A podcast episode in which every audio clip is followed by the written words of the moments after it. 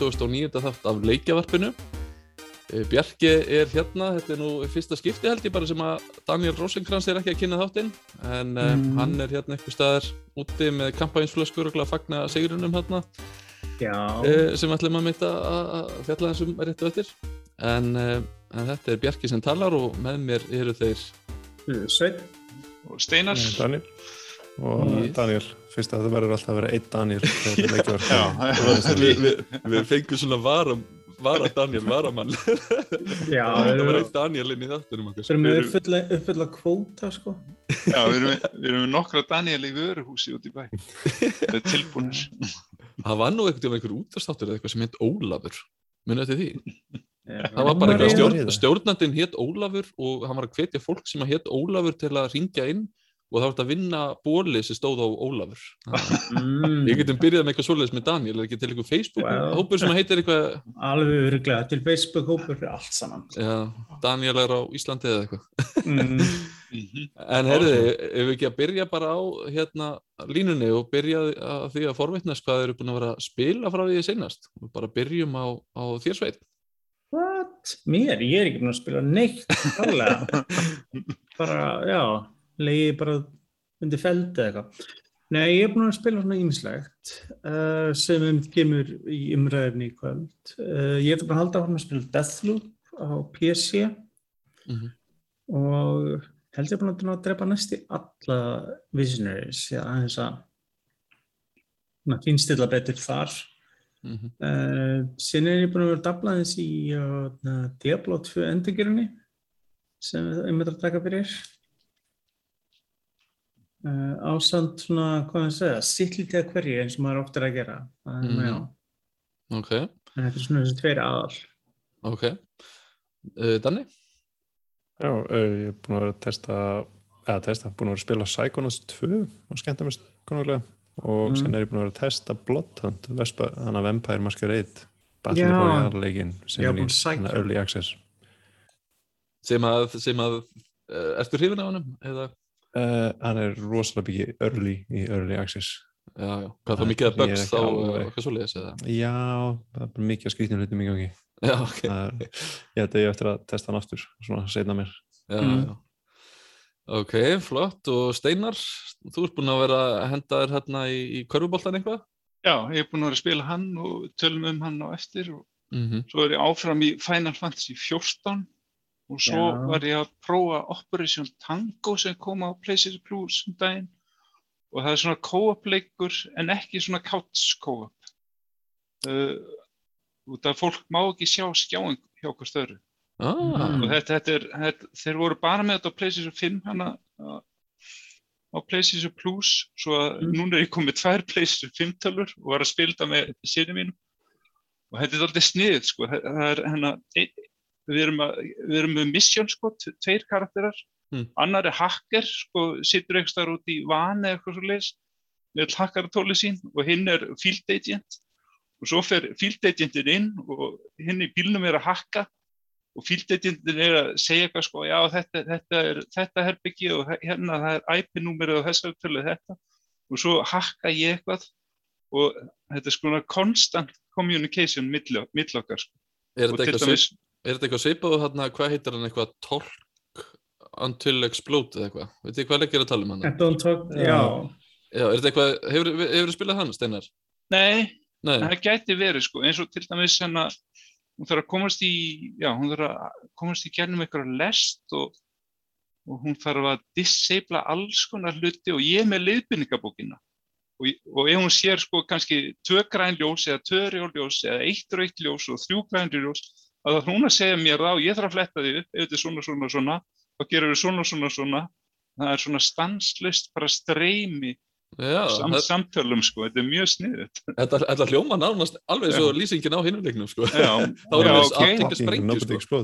já. já, já, maður þarf að lýsa sko táknum og veist, alls konar. Þetta, mér finnst þetta alveg skemmtilegt sko. Mm. Hvað, hvað heitir það náttúrulega séru? Operation Tango Já, er, hann er vísut alltaf stuttur skils með við klárum þrjú missjón í dag og það mm. eru sex en svo getur við skipt sko, veist, ég get verið field agent næst og hann mm. hakkari mm. og skiptum hlutverk. En, Þannig að þið annarkvort vinnið báðir eða tapið báðir. Já, já, Já, akkurat. en, en þetta er fyrirgjöðanlegt, sko. Þú, þú þarf ekki að rístarta levelið, sko. bara, tiltekna Mm. taskið sem þú veist að gera. Þetta, já. þetta, er, þetta er ekki annoying eitthvað, þetta er bara skemmtilegt. Ég, mælu með. Mm. Já, ok. Herru, já, og hérna þá kannski bara enda ég á mér sjálfum. Ég er búinn að vera að spila, ég ætlaði að vera núna að vera búinn að spila eitthvað í hérna, hvað heitir það, Kína. Er ég að byrja þetta rétt fram? Þannig að indileikurinn sem kom út bara fyrir Hérna, dögum. já, Já. já. Uh, kom á ætlaði að spila á PlayStation 5 en bara hef ekki eftir alveg tíma í það þannig að í staðin er ég búinn að vera að spila leik sem heitir Comp Q-O-M-P og uh, hérna fjalla basically um boltan í Pong leiknum. Þú ert boltin í Pong og sleppur úr leiknum og ert að skoppa í gegnum bönsaborðum þetta er svona ógislega einfaldur þrautaleikur. Eða þú veist, hann er erfiður en það er bara í takki. Þú veist, það er bara að skoppa Ertu viss, ertu viss sem þetta sé alveg leikur? Já, það höfðug? Ég, þetta er, Ég, ég er að horfa, ég er að skoða núna þetta. Ég var bara, Ég- þegar ég sá listan, ég bara, hvað er þetta? hann kom út á þessu ári, hann fór einhvern veginn fram hjá mér og svo var bara einhver hérna kjörættur sem að var að mæla með honum hérna sem ég er að fylgja á, á Steam Mm. og ég elska eitthvað svona einmitt eitthvað litla indileiki sem að týnast eitthvað starf og bara ef það tengja sögu töluleikja þá er ég alveg bara þannig að mér ást það ekki að töff að vera boltinn í, í pongleiknum sko. og, svo, og svo hérna fór ég og spilaði fyrstu personu bara online skotleik hérna í fyrsta skipti í langan tíma mig, já ég fór hérna Ah. norður og mentaskólan Tröllaska og vorum hérna með Ah. LAN í gangi þar og þá vorum við hérna að prófa uh, Valorant uh, leikinn hérna Mm. og uh, Hvernig stóðu hérna, heimahani mínir? Sig. uh, bara mjög vel sko. Við vorum, að, við vorum hérna sko allavega þrýr kennara sem að prófum að taka lotu, svo tveir ókunnir að þetta er fimm, á móti fimm. Og hérna þetta var alveg bara mjög, mjög skemmtilegt. Ég, eh, allavega við erum að stefna því að stopna lið þarna sko, ok, glæsilegt. sko vant að tóðið bótt Já. Valorant. já, það er bara mjög Ég- skemmtileg mitt ókipis þú- kostar ekkert en, en græða vantarlega gegnum skins og svona Ég verði ekki, sem ég held ég aldrei að spila hann. Þú sem spilar enga FPS leiki eða nánast enga, hvernig fannst þér Valor?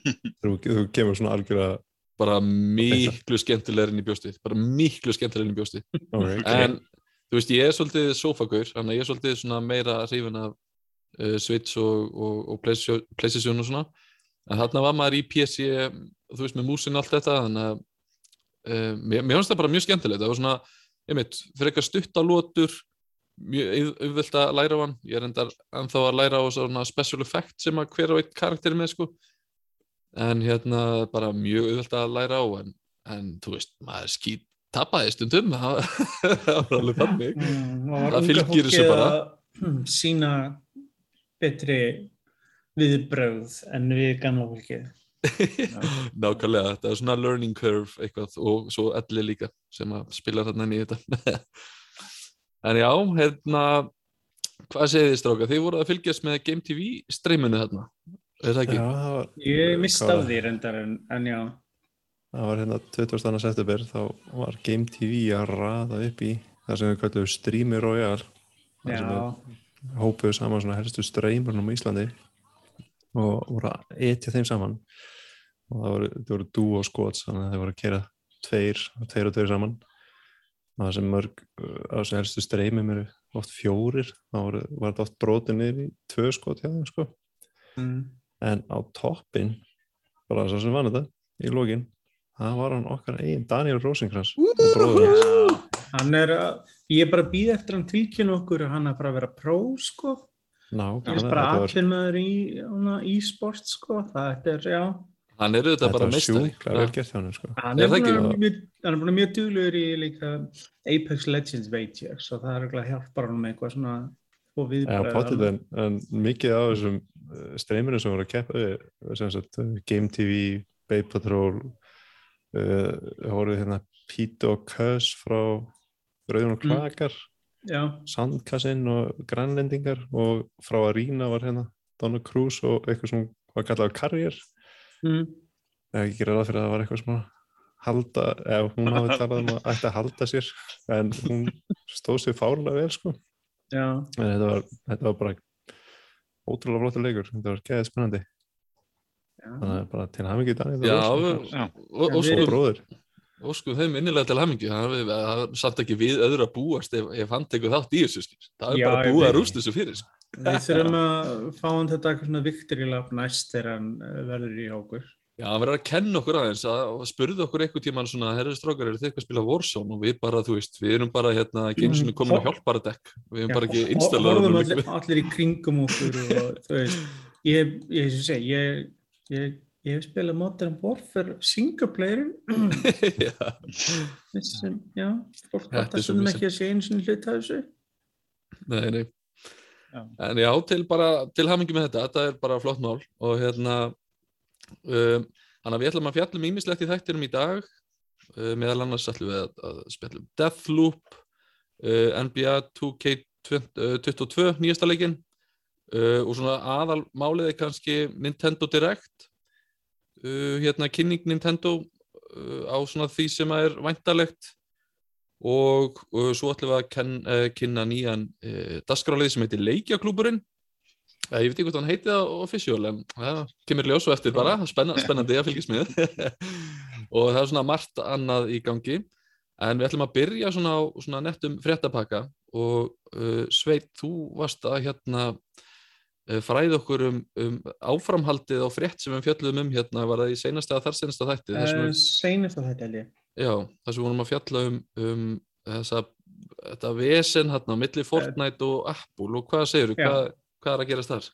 að þetta kom dómur uh, síðast, síðast þegar við vorum með þátt var ný bara komin og sem reyndar svo skandið, fjall Apple næst í engangu vil nema í einu lið sem var reyndar mjög vondur fyrir þá en þetta er ennþá að fara gegnum réttafarskeri bandarækjarnum og áfriðanir og svoleiðis en það talaði með hérna að uh, Tim Sweeney sem er yfirmaður uh, Epic Games sem gef út Fortnite og uh, er þetta með Unreal Engine uh, grafíkurinn og fleira að hann segir að Apple muni líklegast blacklista Fortnite frá iOS uh, þangað til að allt er búið raunverulega. og það geti alveg verið okkurlega langur tími sem það er þeir voru sér neittir til þess að eh, Epic voru neittir til þess að greiða Apple tilbaka pening sem þeir hefðu nú, eh, voru búin að fá fyrir að selja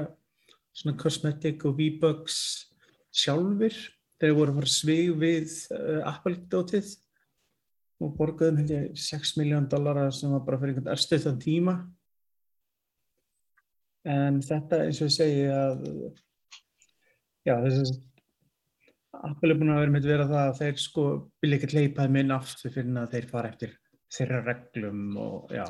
Þetta er samt, maður er með heyri, þetta er eina sem að ég einhvern veginn frétti af Apple einhvern veginn, núna bara var ég líka að heyra með að það var einhver kvöð frá, ég veit ekki, Evrópusambandinu eða eitthvað sem að það var að tala um að vera eins hlæðslusnúra, hlæðslutæki fyrir farsíma Já, og þá er mér heyrist í Apple og segir nei, þannig er það eiðilegja möguleikan á að, að, að, að, að tæknirísar komi einhverja nýjunga af því þú veist, Já, þeir þeir bara eru og frægir fyrir það eða þannig.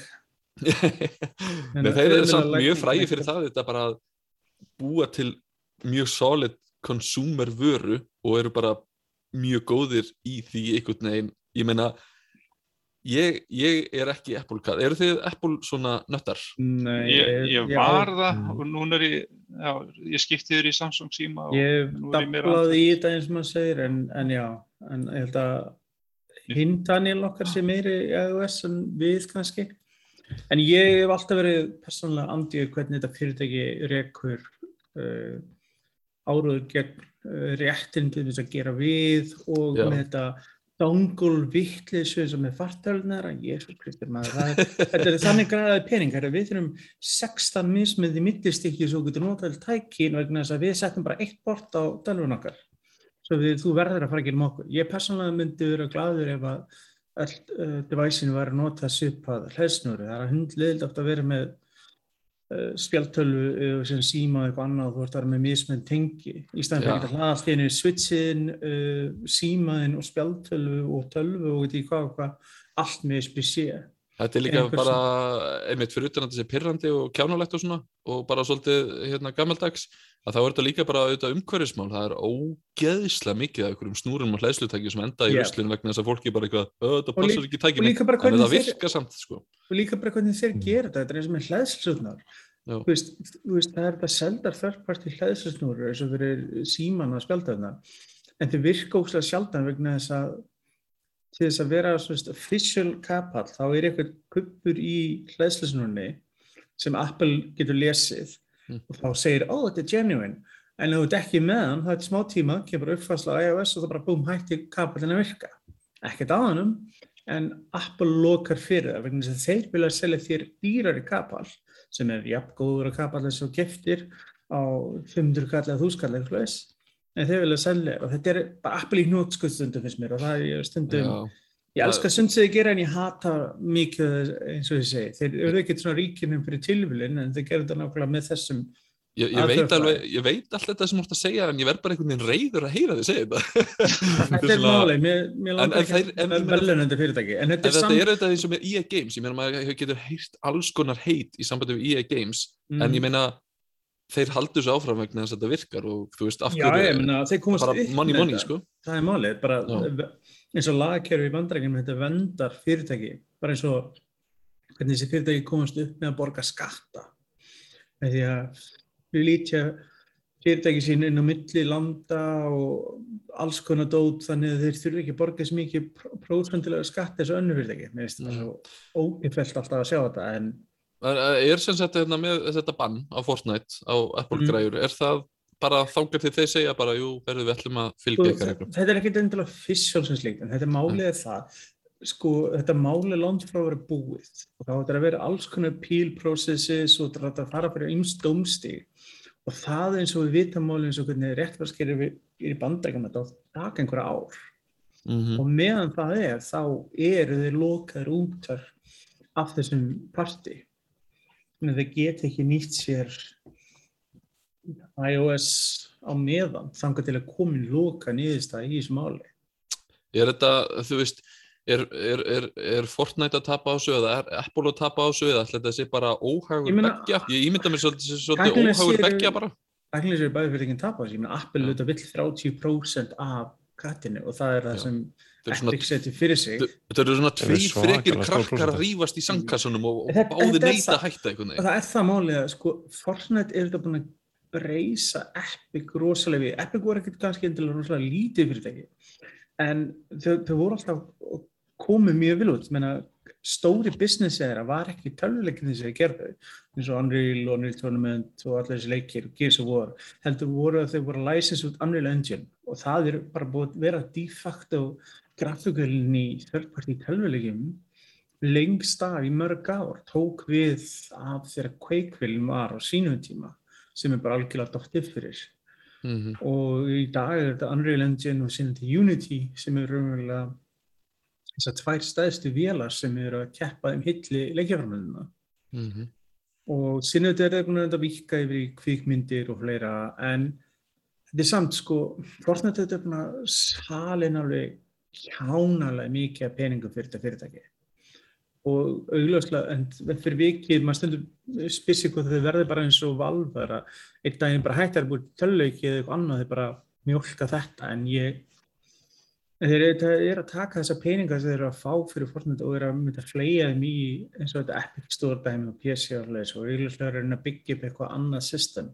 Mm -hmm. aðra tekjulind fyrir sig svona upp á framtíðin svo Fortnite vitaðu með alla hluti sem er misalegt fyrir að segja mun Fortnite ég er ekki að segja ból, það er ekki rétt að orði en þú veist, það kemur alltaf einhvern tíma. Einhvern daginn kemur einhver leikur í staðin Já og svo er samt svona einn og einn sem að næra alveg bara svaka svingið þú veist, Starcraft 2 uh, Minecraft, uh, CSGO já, já, það kom einhverju svona sem að endast Þetta er alveg sem MMO-líkina þegar sko, EverQuest var einu svona risin, sem World of Warcraft og í mörg, mörg ára á World of Warcraft bara Titan, sko, það er engin snerta og teknilega sem hefur engin raunverulega skáka World of Warcraft nema bara World of Warcraft sjálfur hefur bara hnygnað mm. og Já, já. það er spretta fullt af MMO-leikjum en það er engin í sama starðaklassa. Við vitum með hlutir sem Minecraft og Fortnite og allt slags.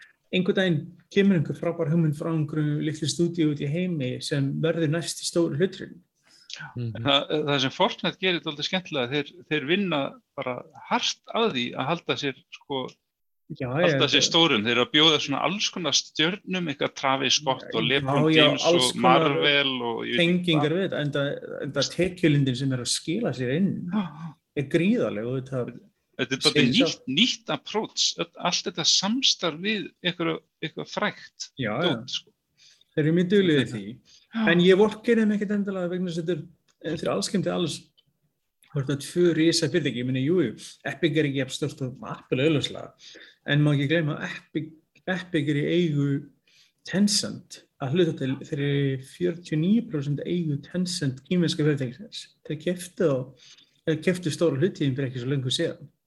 Já, Og þessi kýminsku fyrirtæki eru með búin mjög duglega að kaupa gríðarlega mikið af leikjafyrirtækjum, annarkvæmst algjörlega eða stóra hluti. Og þeir eiga orðið í í skikkilega mörgum. Og maður er stundin rættur um hvað langtíma áhrif það verður. En það er efni hvað þessi annað þátt. En það er svona aðtíksett samt. Já, Já, já. Nákvæmlega. En er þetta mynd- eitt það- Já. að ég myndi kannski ekki segja vorkina Fortnite í þessu tilfelli því að Nei, myndi- Epic fóru þessar leið vitandi að þetta myndi fara í og þannig að þeir, þeir voru að ta- testa kerfið eru að reyna að fá eitthvað fordæmis Nei, bindandi og tóm í, í þessum ég get ekki vorkend kúru fyrirtækinu, þetta er bara tveir risar að kasta skít í hvern annan að vona að þetta gangi upp. Já, þetta er En- svolítið þeirra á milli, þetta er ekkert einhvern veginn í hag notenda nema þeir verða bara pyrraði sem eiga þetta er bara- iOS-tæki og segja bara, óh, djúvill, mér langar að spila Fortnite eða Þetta eitthvað. gæti Mhm. samt orðið í hag notanda f- fer eftir hvað, hvernig máli endar sko. Já, Þetta meina sé- því að Apple myndi taka minni prósentu? Ég líka bara hvernig annarkvæmt að það myndi taka minni á er móti. að leifa þriðju aðalum þetta er líka leikframleiðendum þetta- að vísa þetta sínar greiðslu loka og system. geta þær mögulega, mögulega, mögulega Mm. Lækka verðið Heldur er gott. heldur þetta niður? Nei, þeir eru ekki verið að Þeir, gera þetta. þeir fara borga einhverjum þingmönnum í bandarækjum til að breyta þeir eru fara að taka meira í vasan. Það er bara svo leiðis. En já, en eins og segi, þetta áttur að vera eitthvað, við erum að tala um þetta í langan tíma örgulega ennþá. Já.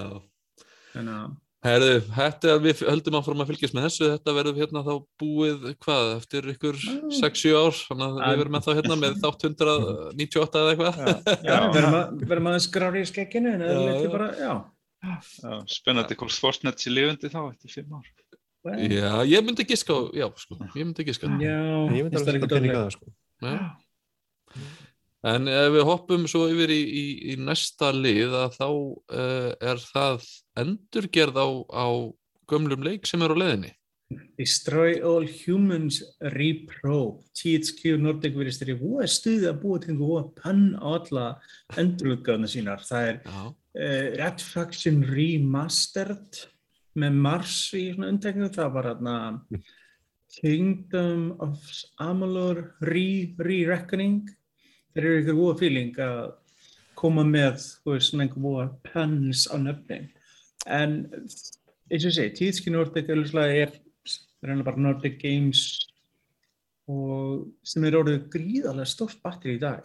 Búin að saminast ótrúlega mörgum öðru fyrirtækjum eða kaupa þau og þetta eru hægt að endur ekki suma af gömlu tíðskjuleikjum sem þeir keftu og þeir gáðu út um því fyrra rosalega góð og að mínum að til endur gáðu fyrsta þetta þetta er strefjál hjúminsleiknum og ég mæli með að kíkja á hana eða ekki gert það á leiktalunum með PC virkilega vel gerða mínum að til endigir og núna er þeir að að að fara að gefa út með tvö og þetta er remake, sérst, ekki, þú veist, remaster eða eitthvað slags. Já, bara alveg frá grunni bara. Þetta er endiger frá grunni Já. með nýri Unreal Engine og alla pakkanum og öllu því Ok. sem er. Að fókusa þá á hvaða svona, þetta er ekki eitthvað, þetta, hann kemur á PC og, Já, í PC Þessum- leikatölunar og Já, kemur já. allt, allt þetta helsta. Já, og ég held að fyrstileikurinn er myndi að koma á Switch eitthvað, ef hann ekki þegar komin, ég held að það sé alveg að bresta. Mm, Nei, þeir eru búin að mjög duglega í þessu og eins og segi, þeir voru með einhvern lítinn að vendum daginn og þetta er eitt af þessi þeir kynntu og þeir eru svona hægt rólega, ég held þessi mörgöldi er að pröfa bæði með að endurútgefa eða rýmastra sem leikina, þeir eru að sjá hvaða gömlu THQ IP-unum er raukrætt að endra þessa og kannski koma með nýja leiki síðar, þetta er líka góð leiður fyrir developera. Að fá tilfinningu fyrir leikjunum áður en þeir myndu fara og búa til sitt eigið, mm -hmm. þannig finnst það ekkert óluflegt að vera eitthvað svo les Þetta er samt rosalega merkilegt hvað hérna maður sér mikið af svona uh, remake og remaster í gangi. Að þetta er svona pínu einhvern veginn sem maður að við endur upplega sko, svona ef maður tekur kvíkmyndirnar þá er þetta einhvern veginn, mm. þú veist eins og maður þú veist, gömlu svartpítumyndirnar eða bara einhverja frá Já, hérna, sjötta, sjönda áratögnum sem eru endurgerðar einhvern veginn fyrir nútíman þú eða veist, við erum ofta að tala um einhverja tölvuleiki sem er ekkert eitthvað rosa gamlir en Nei, nei, samt, þannig að maður er einhvern veginn svona, vá, ég er um er alltaf þetta er líka skondið við tölvuleikina versus bíómyndar. Við höfum séð ótrúlega margar endurgerir í bíómyndum, oft miklu meira ef okkur grunar, vegna þess að þetta eru kannski endurgerir af asísku myndum, með frönsku myndum, já. ítalsku myndum og við vitum það ekki vegna þess að við höfum ekki til að séð það. Með Mhm. tölvuleiki það er mjög sjálfgeft að einhver framhætti græða upp einhvern gamlan leikur á Úkrænu eða þú séður Ameríku að kynnu gefa hann út aftur sem nýtt svona dæmi samt, þú veist. Ég myndi, En- vilja, ég myndi vilja að dæsa eða eitthvað myndi bara hérna endurgera tímaflakran væri það ekki eitthvað, dæmi? Já, Það geggjað. money í því maður Það ég man, eftir sko. þeim leikmaður. Já, eins og segi, þú veist, með bara nýjustu Frostbite og allir pakkan og Destructible Environments og ég veit ekki hvað og hvað. En eins og segi, það er, eins og segi, gaman að sjá samt endurgerði vel gerðar. Þetta líka Já, var, á mínum já. mati, það var alveg vel gert vegna þess að sko, þetta er leikið sem voru mjög vinsal á PlayStation 2 á sín tíma og þetta er líka gefið út núna og þetta er verðlagt held ég rétt, þetta er ekki á dýrt, þetta er ekki 60 dólar leikir og þeir eru svona fully featured, þetta er allir leikirni, þetta er ekkert, þú veist, þetta er ekkert klift út, ég mynd pröfa og ég spilaði PlayStation 2 gáðan leikning stutt á Það er- eftir frá orginalútgáðanum eins að mm Það fór skjótin inn, það er einn leikur sem ég myndi gefa allt til að sjá endurgerðan.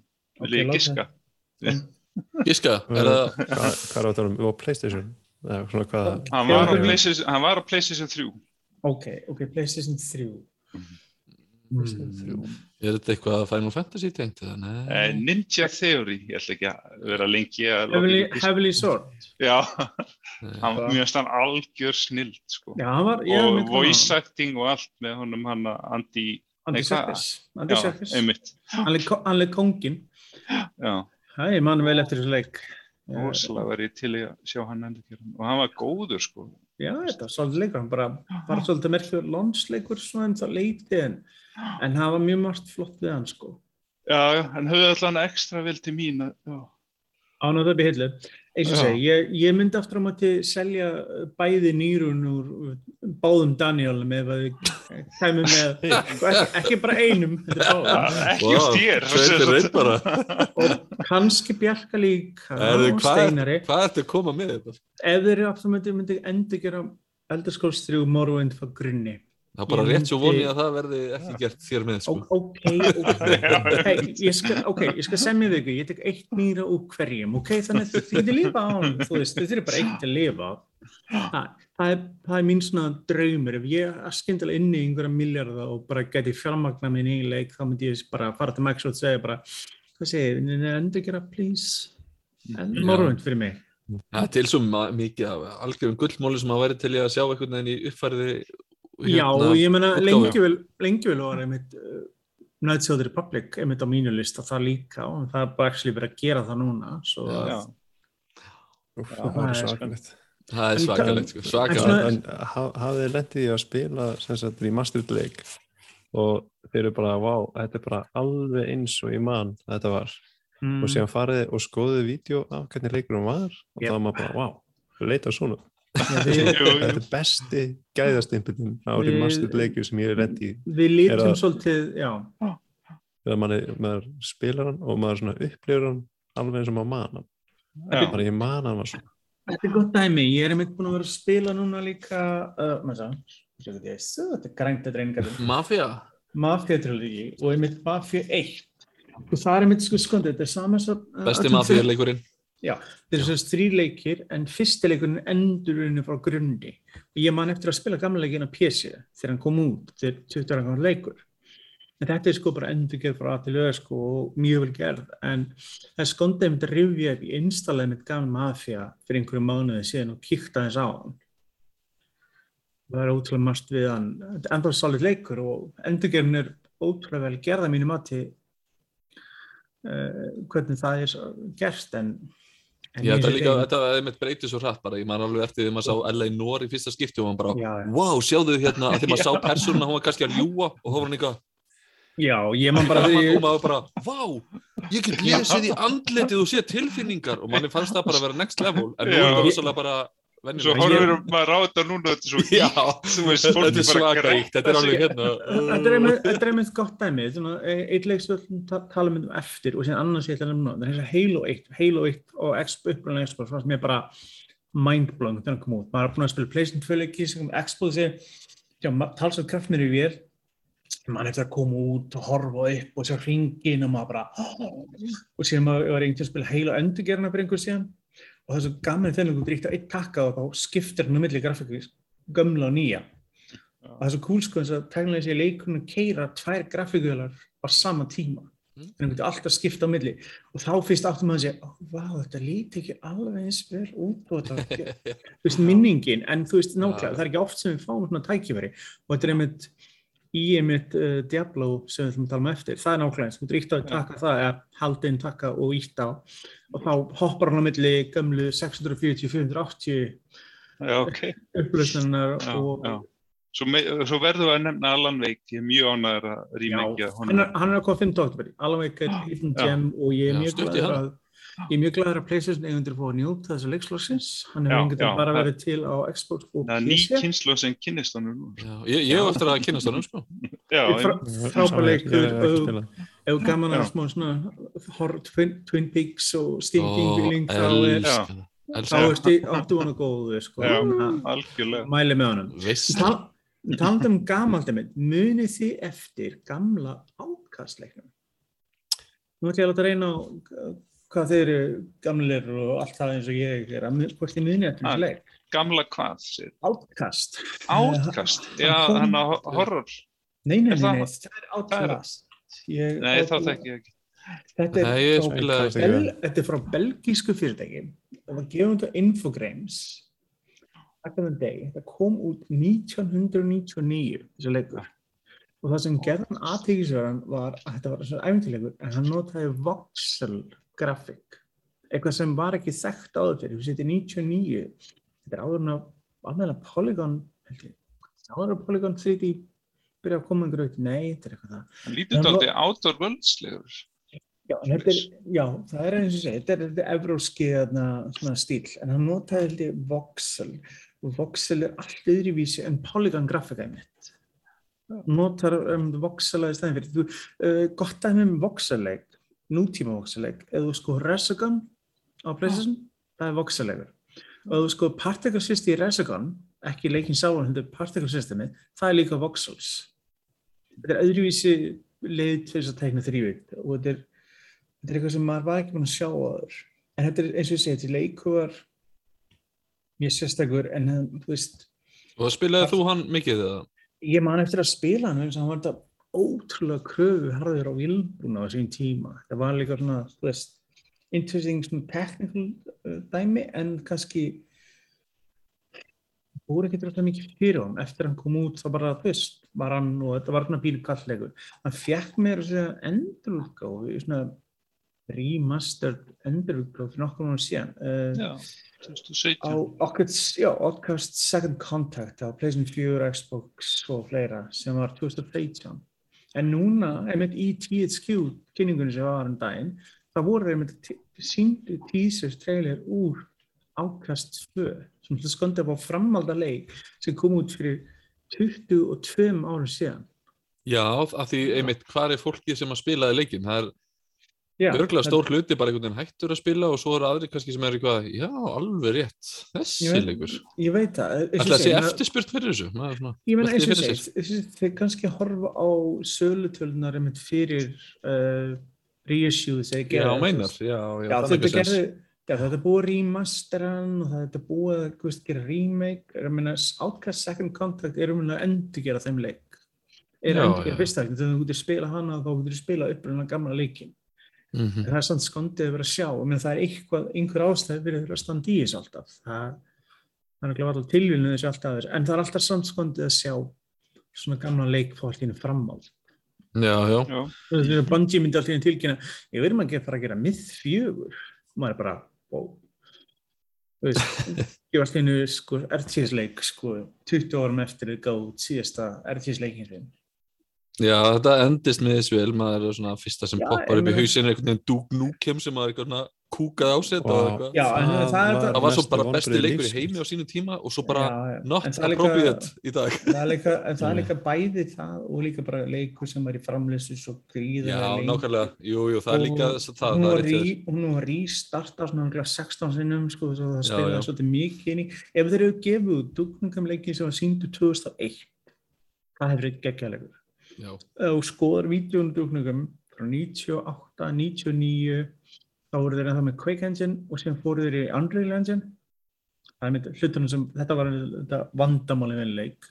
Eins og er hleypur hætti við þetta og, en þeir síndu Vertical Slice uh, úr leiknum í 2001 og í 3 og það var bara geggjað. Ef það sáleikur er komið út 2001-2002 þá hefði hann örgulega verið bara í skalanum með Half-Life og eitthvað svoleiðis á þeim tíma er, eru svona tölvugjakartir eins og Duke Nukem ekki bara út döðir, þú veist, þetta En, en síðan er þetta, já. maður sér en- ekki svona super stereotypi eitthvað rífa nei. hausinn af endakallinum, snúinu við og skýta í hann, ég man að það hann gerir það við einhvern endakallin og Já, en og svo sparkaði hann hausnum yfir svona amrýst fótboltamarkum og maður er svona, wow, hvað er Eins að og frétta þetta? en já, hann, þú getur sagt svona þessi batsins tíma. Já, en og já. segja, sko, all, alla hlutina sem ég tala með þessa gamla útgáfi sem svona mest ekki, ekki út af Duke Nukem og þessum kardir er meira bara út af allir því það sem gerði Duke 3D og svo vinsanum var þetta allt interactivity, þú varst ekki vanur í, í skotleiki með bara leikum að geta haft áhrif og umhverju, horta speimindin í speklinum, skemmt þetta og farið þangað. og þetta var- óvinnur, óvinnur lent undir hurðinu og var svona tyggjóklæs svona Já, þú veist, það voru hlutir, það- og það var það sem, og það er það sem stendur upp í mörgum með þessa leiki, þetta er ekki hvað viðbjörslu kallremba og sexist og alltaf og steinaldamöður dugnunga með, þá, þú, þú í vonlæðinu voru fyndur um þessu marki, en, en já, dugg í dag, ef þú ætlar að gera, ég meina, það er búið að tala annars læðið með þess að gera, myndi verið að gera nýja leik, en ef þú endur byggir henni karakter, gerir hann, þú veist, þá er þetta ekki dúk lengur samt. Það er bara að hafa, dúm er basically dúk nema bara ekki með karakterinn Já, en þú veist, Doom Doom er alltaf góð að karakterinn var ekki karakter.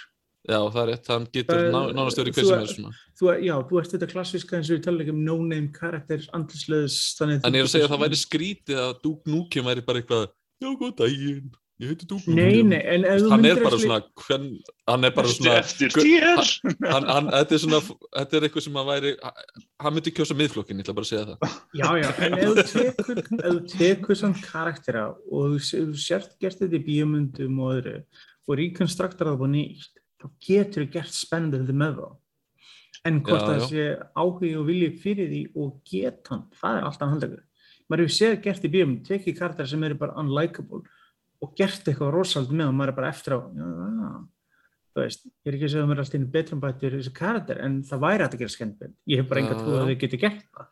nei, það væri fínt að eða orkunni í eitthvað annað held ég Já, það er Já. fyrir En, En hérna, já, við höldum aðeins áfram með uh, hérna, umfjöllunarefni þáttarins að þá er næst á dagskrá hérna Deathloop og þú uh, deildi nú með hérna, og varst að streyma nörd norðsins þegar ég var einmitt að kíkja það er ennþá hægt að Daniel flottur með. Ha? Já, já, ég sem segi, streymdi svona Já, flottur. Að fyrstu hérna, byrjunni minni á honum og ég haldi að fórum að spila hann og þarna, Ég fylgdist með þarna alla tíman, þetta var mjög skemmtilegt að fylgjast með og ég er Og- búin að halda áfram og ég er búin að drepa alla vissnus nema einn held ég. En nú er tryggsæður að raða þeim saman og ná að drepa alla einu umferð. Þannig að útskýri kannski bara fyrir þeim sem að vita ekkert um, um leikin, svona út af hvað hann gengur og Þetta er semst eins og segir, nafnið er Deathloop. Þú ert fastur í lúpu sólaringu sem endur sig aftur og aftur og aftur og aftur. Og hann skiptist í fjögur tímabill og fjögur svæði. Þess að því fjögur sem fjórir. Þú getur ráðið algjörlega í hvað röð gerir þetta. Hversin þessi dagurinn er búinn? Þá resetar þau og tryggsið er hann að drepa þessa sjö visionaries alla í einni umferð til þess að stoppa lúpuna. En þú þurft að finna og þá kemur pínu þetta svona Dishonored DNA-ið í leiknum er að þú ert stundum að fara í gegnum þessa leiki og reyna að finna rauð atbyrða sem getur haft áhrif á til þess að stilla karakteranum upp þú kemst að eitt smá tíma að tveir karakterinir eru til og með svoandi hjá okkur um öðrum sem teknilega sé má ekki samkvæmt reglum að þess að eigi. Þannig að þau verða saman á einum tímapunkti. Það hljóma smá eins og hitmenn Já, þetta, þetta er líka pínu hins og hitmenn þú ert að reyna að búa, búa að hafa áhrif eða finna aðstæður að þú náðu sem flestum og nýtt tíman sem best. Það sem hjálp, hjálpar til reyndar er til þú kemur hún á borðið segjum kannski ferðina á strandina um morgunin þú ert ekki bundin kannski fjórum klukktímum í einhvern rauntíma eða einhverju öðrum gametíma að þú hefur og það er alltaf einhverjum háti og þú er bara á oh á mestu partur. Teknilega sé getur verið að blengi og vilt inn á borðinu. En þú getur experimentað og þú getur kannað eins mikið þú vilt. Ef þú áttar þetta smá tíma, já, ok, þetta hús verður kveikt í setnipartin, þannig ef ég kem í hátteginu þá getur ég komast þarna inn þessi karakter er drepin um morgunin en ef ég bjargunum þá getur ég komið setjum daginn og tala við hann og hann getur hjálpað mér. Það er þetta grímu fyrir um kvöldi. Þannig að þú byrjar að písa saman hekturlega svona hluti. Og síðan líka sko, þú, þannig að hver einsta lúpa, eins og þetta er svona pínus að róglægt, hver einsta lúpa þú harfst að læra eitthvað nýtt. En til alla lukkur að þannig þetta er ekki eins og með um suma svona róglægi að hversi svo dyrð þú tapar allir. Það er ekki svo leiðis. Fyrsta lega er þannig að þú hefur uh, hálfgerð líf við hefur það sem kallar revive og þú getur takkilega séð segjum að einhvern veginn drepa út alveg búinn þá byrjar aftur aðeins tilbaka og getur haldið áfram og þú finnur líkið til eins og solsleikanum þá ferðu það sem þú sapna inn svona currency leikning, ferðu það tilbaka en ef þú derðu á leiðinanga þá tapar þig. Það er svona pínuð þannig, en þú hefur tvö líf þannig að það, þetta er ekki þú veist það harkalegt. Og síðan getur þú uppgriðað þannig að þú heldur vissum hlutum eftir þú derð vissum vopnum og vissum abilities. Já, eru sömu vopnu í Dishonored? Er þetta svona booby traps og... Þetta eru þetta 60's vibe en það eru þetta jarðsprengjur, það eru tripmines það eru alls konar turrets og sem þetta hakkað, kamerur og fleira. Og það er þetta fullt af mismöndi leiðum inn. Maður fattar þetta smá tíma að þú, ok, ég get farið beinistilegum hörðun, ég get farið ekki þakkið, ég get farið um uh, gegnum uh, um, strömp eða? í ströndina og þá er leið undir bygginguna og þá getur leima mér í næstu byggingu fundi konuna, drefði hann á þess að neitt verður varmi. Þú veist, ja. þetta er svona, þú veist, þú pröfur þetta áfram eru verðir eru verðir í kringum? Já, þetta er NPCs um allt, þeir eru þetta allir, allir, vilja drepa þig og síðan þetta kemur inn í þetta dót sem himpartin og það með Juliana sem er á vinstri hönd hjá hann Danieli að ah. það er NPC karakterinn sem hennar eina takkmark er að kála þér. Þið eru bæðið fest í þessu lúpu en munun er hún vill vera þar, hann vil losna og þið eru einu karakterinir held ég sem að veitum sem munið á milli lúpana að mestu leiti. Mm. En þið haldið ákveðinu uppsingum á milli. Síðan er þannig að það í leiknum að getur verið þannig að þú getur fengið einhvern á vinnuveistunum til að fara inn í leikin og þá spilar hann sem Juliana og hans eina takkmark þá er hann að drepa þig okay. eða þú getur verið eins og kallast invaded af einhverjum öðrum sem getur verið rosalega flott eða rosalega ræðilegt en til allar leikur getur þú stjórnað hvernig þetta er. Þú ert ekki að fá fólk í leikin um þú vilja það En hvað meinar þú með að þú veist að ná að kála öllum í hvað sér einnig lótu eða eitthvað, er þetta þá þú veist þú þarfst að klára í dag og ná að drepa allir á einum degi? Já, þú þarfst að fara gegnum þessi Þannig að þú þarfst að drepa samangur oft en bara þú þarfst að gera það í réttri röð eitthvað Nei, sko málið er það. Vissir karakterar er á vissum stöðum og vissum hmm. Það eru fjóri tímar, fjóri tímar morgun, háti, miðdagur, kvöld. Og kannski þessi karakter er hérna um morgunin, hann er ekkert um háttegið, ekkert setjum en kannski að þarna um kvöldið. Þannig að teknilega sér kannski getur haft fast tvo senast á hann. En kannski þú getur stilt að niður upp að það er einhver aðri karakter sem er saman, þetta er alltaf partí um kvöldið. Og tryggstuð þetta er að þú reynir að raða þeim saman þannig að sumir mæti ekki partíð, sumir mæti partíð getur haft áhrif á því mæti partíð til dæmis þannig að þú, veist, þú ert að reyna að finna leið við svona um öllum í einum umferð, þannig að einum sólaring áður en að timeloopan endar um kvöldið og resetar. Þannig að þá þarfst að byrja aftur, þá er allir aftur ljóndi mm. og þú ert að þú þarft að skipulegja svolítið, nú er ég að fara þarna og gera þetta Þú og svo að- næst er ég að fara að gera svona. sko þú ert bæðið skiplega en þú ert líka aðalega bara aflaðir upplýsinga. Því meira sem þú kannar umhverfið því meiri upplýsinga ferði þá ferði til dæmis, já þessi verður þarna eða þetta er líkillin að þessari hörð eða þetta vopni þarna það verður ekki til en þarna. Þannig að þú finnur hluti sem bæði getur gera einhver persónu verða og kannski líka að hvernig þú getur haft áhrif á þau að verða einhverstaðar annar staðar þannig að þú getur kannski náð tveimur og einum stað í staðin fyrir bara einum. Vegna þess að þegar þú velur vist svæði á vissum tímpundi þá progressa leikurinn þannig að þegar þú búið með það þá progressar þau næsta tímabil. Þú hefur bara eitt, þú getur ekki farið öll spjóðsvæðin og síðan hátegi og öll spjóðsvæðin og eftirmynd það er bara eitt svæði, eitt tími. Þegar þú búið með það þá progressa tímin áfram. En Ok. gerir það ekki fyrr. Þannig að þú þarf að hugsa eins þess vegna er þessi, lúpa hvers þessu kemur aftur þá ertu með meiri uppsingar og meiri getu til þess að læra á hvað virkar og virkar ekki Svo, svo hérna þegar að leikurinn var bara mjög nýlega komin út að þá fór að poppa upp hérna svona reviews og uh, það voru margir sem að voru svona bara wow, hérna, ég man ekki hvaða síða var Gamespot eða IGN eða eitthvað sem að gaf þeim 10 af. 10 og fólk var bara ba "Bíddu, ba vá." báður ég held að bæði gáði Já, ekki bara hvað masterpiece er, er hérna komið í loftið uh, ertu, ertu á sama báti og þau? Er, er, er þetta bara algjört mistaraverk eða er eitthvað svona sem að mætti gera Ég- betur?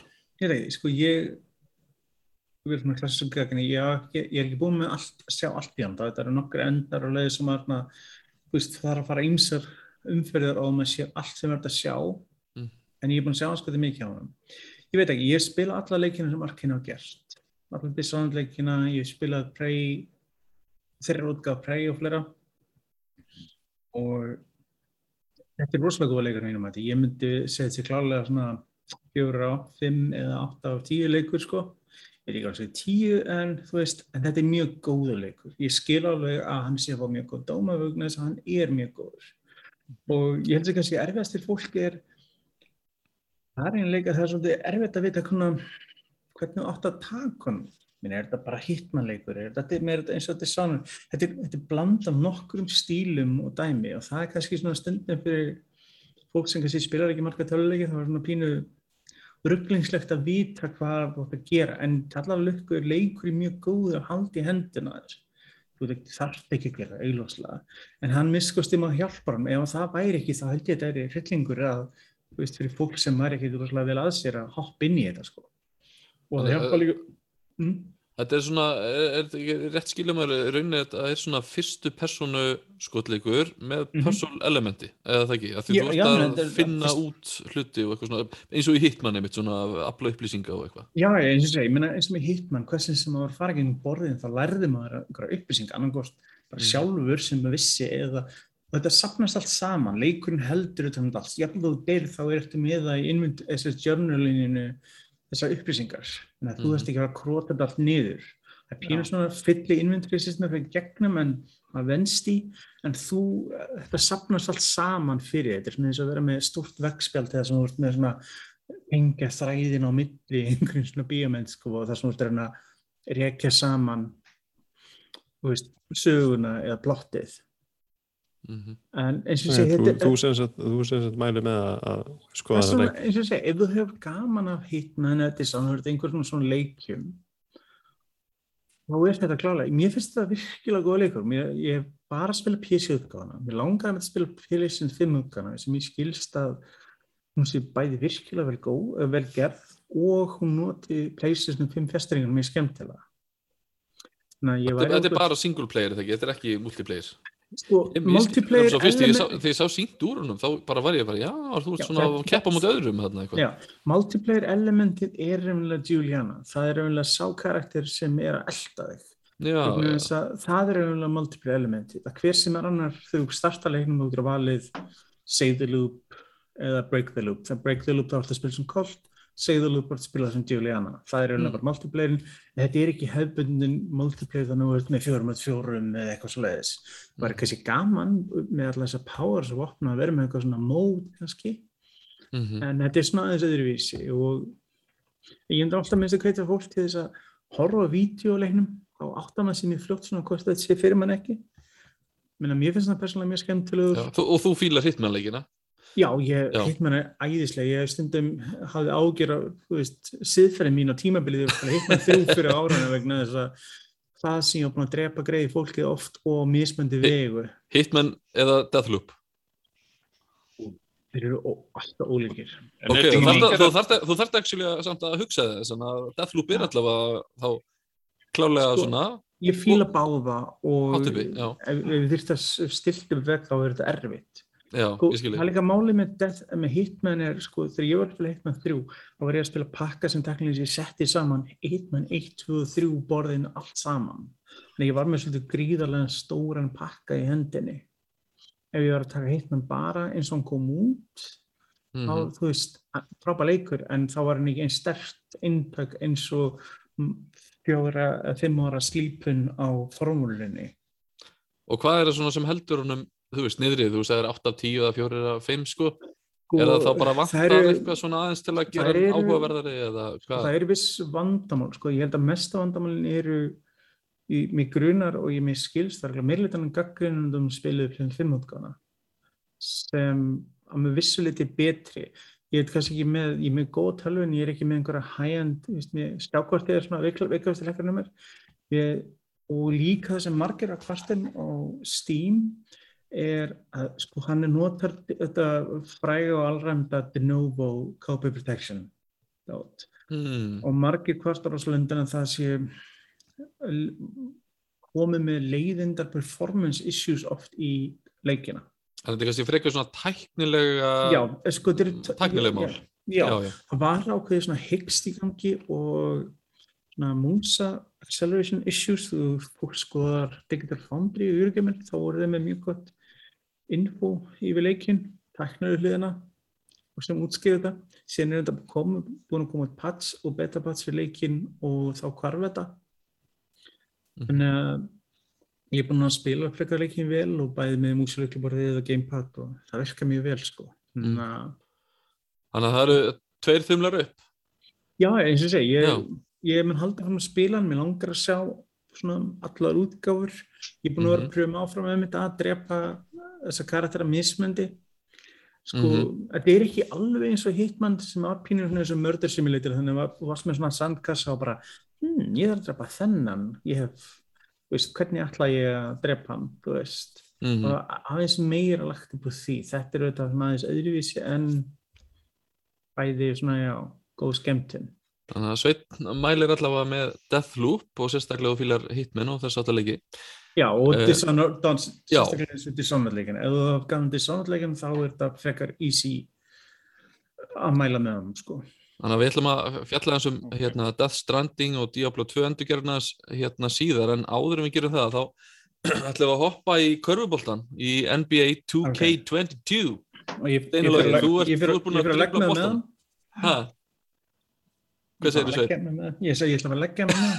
Ég Já, ætla að ég veit, leggja já, með- það, en, en þetta er góð punktur hjá Seini, ég er að spá í því sko, hvað margir sem hlusta á svona þátt Já. hafa áhuga á svona körbólleikum og þetta er svona alltaf hliðarleikir, þetta er, er alveg svona gaurar bara sem, sem fíla, gaurar sem spilda, þeir spila Ólu kannski styrla að bara fara NBA deildina. Já, já, ég er kannski því sjálfur, undantekningin. sko. í undartenningi, ég spila bæði þetta og allt annað.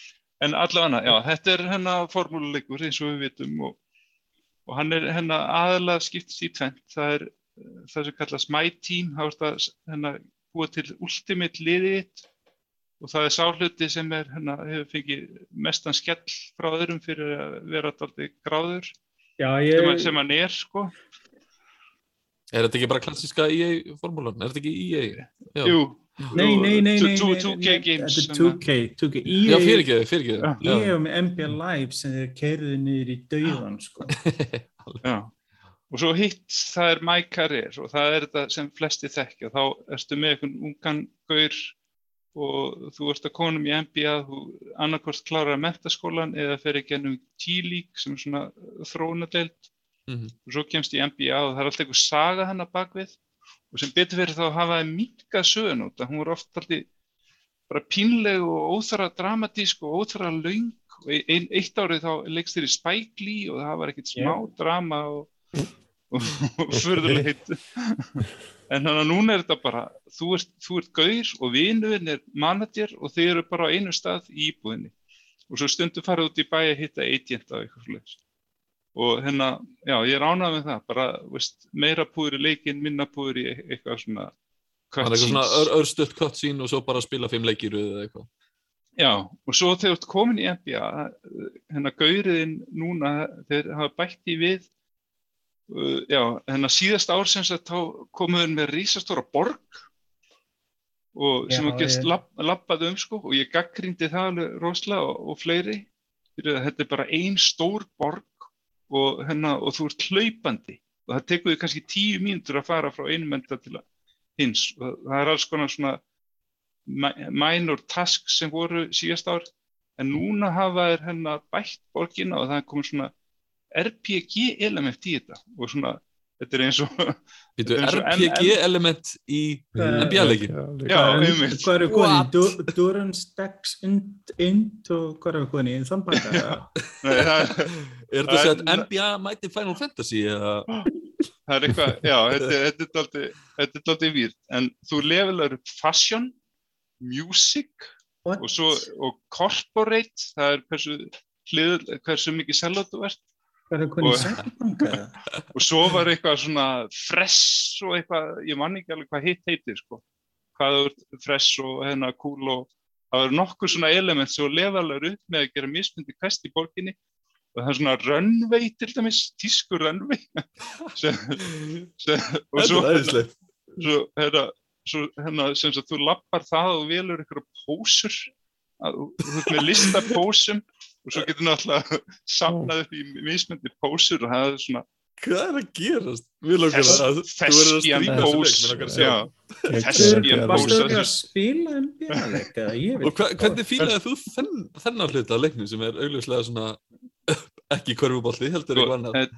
þetta er, þetta er svo mikið að hennar hamstöðsjólum, það er alveg, það er alveg tíu hamstöðsjóli í þessu Já, og já, e- það er allt þetta sem það þarf til level og ég er svona, ég hafði bara þokkalega gaman að því, þetta er allavega miklu betra en borgin var í sí, síðast ár sko, þá var Mhm. eiginlega ekkert að gerast, en núna fær maður sko hjólabretti nokkuð auðvitað, allir geta fengið það í fyrir- Hjólabrætti, ok, í körfusleiknum. já, já, til að vera hraðar eða að fara kringum borgina Og getur hérna- ekki keft í NBA-leiknum vegna svo bristaði olbúðin í á brettinu inn eða eitthvað er það innifalið? eða? Nei, það kemur alveg eftir. En það var eitt sko, það var eitt, þetta er svo, svo skrýnleikir sko, þeir fókusa á einn hluta leiknum og svo algjörlega vanrækja sumt sko. Maður er að rekast á sömu bokkana ár eftir ár eftir ár. Og eins og hérna, það er eitthvað kamerubögg þegar maður er í leik og allt í hennu, eða er eitthvað hérna replay kamera og stundum festist leikurinn í því og heldur bara áfram í replay og maður þarf bara að taka timeout og það maður sér ekki neitt. Og svo, já, það er alls konar svona böggar sem er ár eftir ár. Og það er eins og þetta test já, fyrir ekki, endilega komið lítil, til lítil kvartningalag þetta býst við þar sem það er engin samkeppni við það. já, já. En sko, eitt í samvætti, já það, það er og svo, já, það er aldrei fyndið stundum að, þú veist, þeir eru mjög líkir milli ára en sumt er alveg eins það er alveg eins halvdæm sjóstundum sama fólkið Sama animation. Sömu fötum. Ó, Já, það Þetta er eins svo og maður ódýrt, hefur- sko. þetta er eins og maður séð í FIFA-leikunum líka stundum. já, það er bara, Það gera sama pakka. maður hefði haldið að þeir myndu allan að setja krakk, það er einhverjir krakkar í haldansjó, allan að setja það ný föti að láta það dansa öðruvísi. Nei, nei, það Þetta er er- sama. Þetta er, þetta er svolítið ódýrt trikk, sko. Já, en hann að, já, Bara s- export, insp- eh, export import á assets algjörlega. Æ, fólki tekur ekki eftir þessu. Sömu andlitin ár eftir ár og svona. Kaup, kaupa samansvillið aftur og aftur. Og svo er alltaf bætast við ykkur sponsorar, núna er State Farm tryggingar, sko, og veist, eitthvað sem tengist ekki inn í körfubólta. Það er eitthvað State Farm gaur sem gefur kvest og þú ætti að fara í State Farm fötinn og fara á hann á tískupall og pósa. Nei, oh. Þegar ég fæk Það best í að- tölvuleik þá vill ég vera drefningu eða sapningur, ekki Þetta- púsa. Og svo, Og að hversu- fólk hversu- að spyrja hérna að framlengja tryggingun á eða þennan ábyrðina Og hversu, hversu cool ert þú í leiknum, Steinar? þetta er, ég er, já, hennar karakterinn minn, sko, Já. hann er mjög cringy, sko. Hann er cringe, hann er, þetta er alltaf svona, cringe masín, sko. Og hann er alveg bara, hei, guðurinn maður, hei, hvernig var alltaf fasin ykkar? Og svo, eh, hvað var það, good neighbor eitthvað. Þetta er svo crin- cringy eitthvað maður að hlusta Já, ég fæ bara svona auðlar all lífið, sko. Það er svolítið fyndi.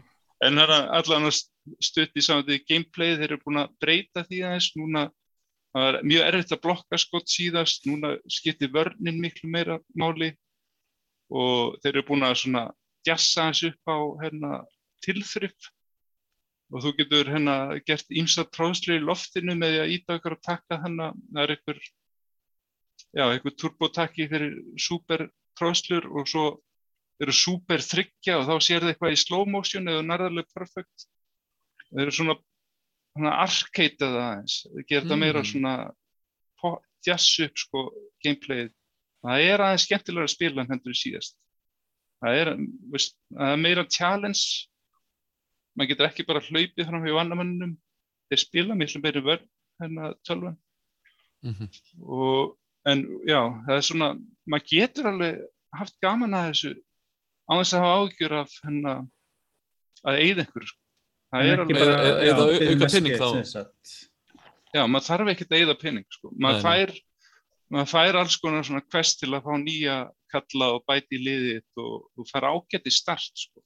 þeir gefa manni svona ágæti skoða gauðra sem þú getur lefað upp en, en ef þú vilt vera sko uh, það er til dæmis þeir, hennar kallir þetta seasons þetta er eins og í skotleikinu Fortnite og svo leiðis þá skiptist þetta Battle Pass seasons Ok, þetta er Batpass í þessu líka.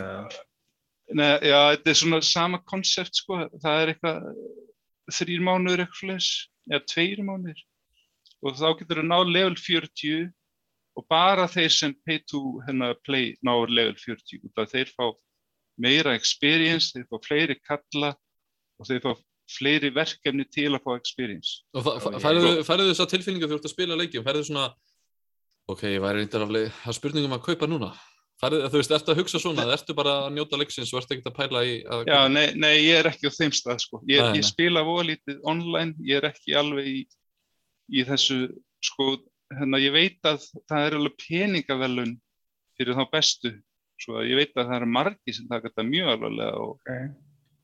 og eru alveg að eyða og eyða og eyða og eyða. Það er, ég held að það sé fullt af kvölum bakvinna leik sko. En, Þetta er eins og FIFA Ultimate Team, Já, já, gríðalegt dæmi. Já, en það er hægt að að hennum sko, þó maður Já, ég, og AI-ið bara fínt Já, já, Já.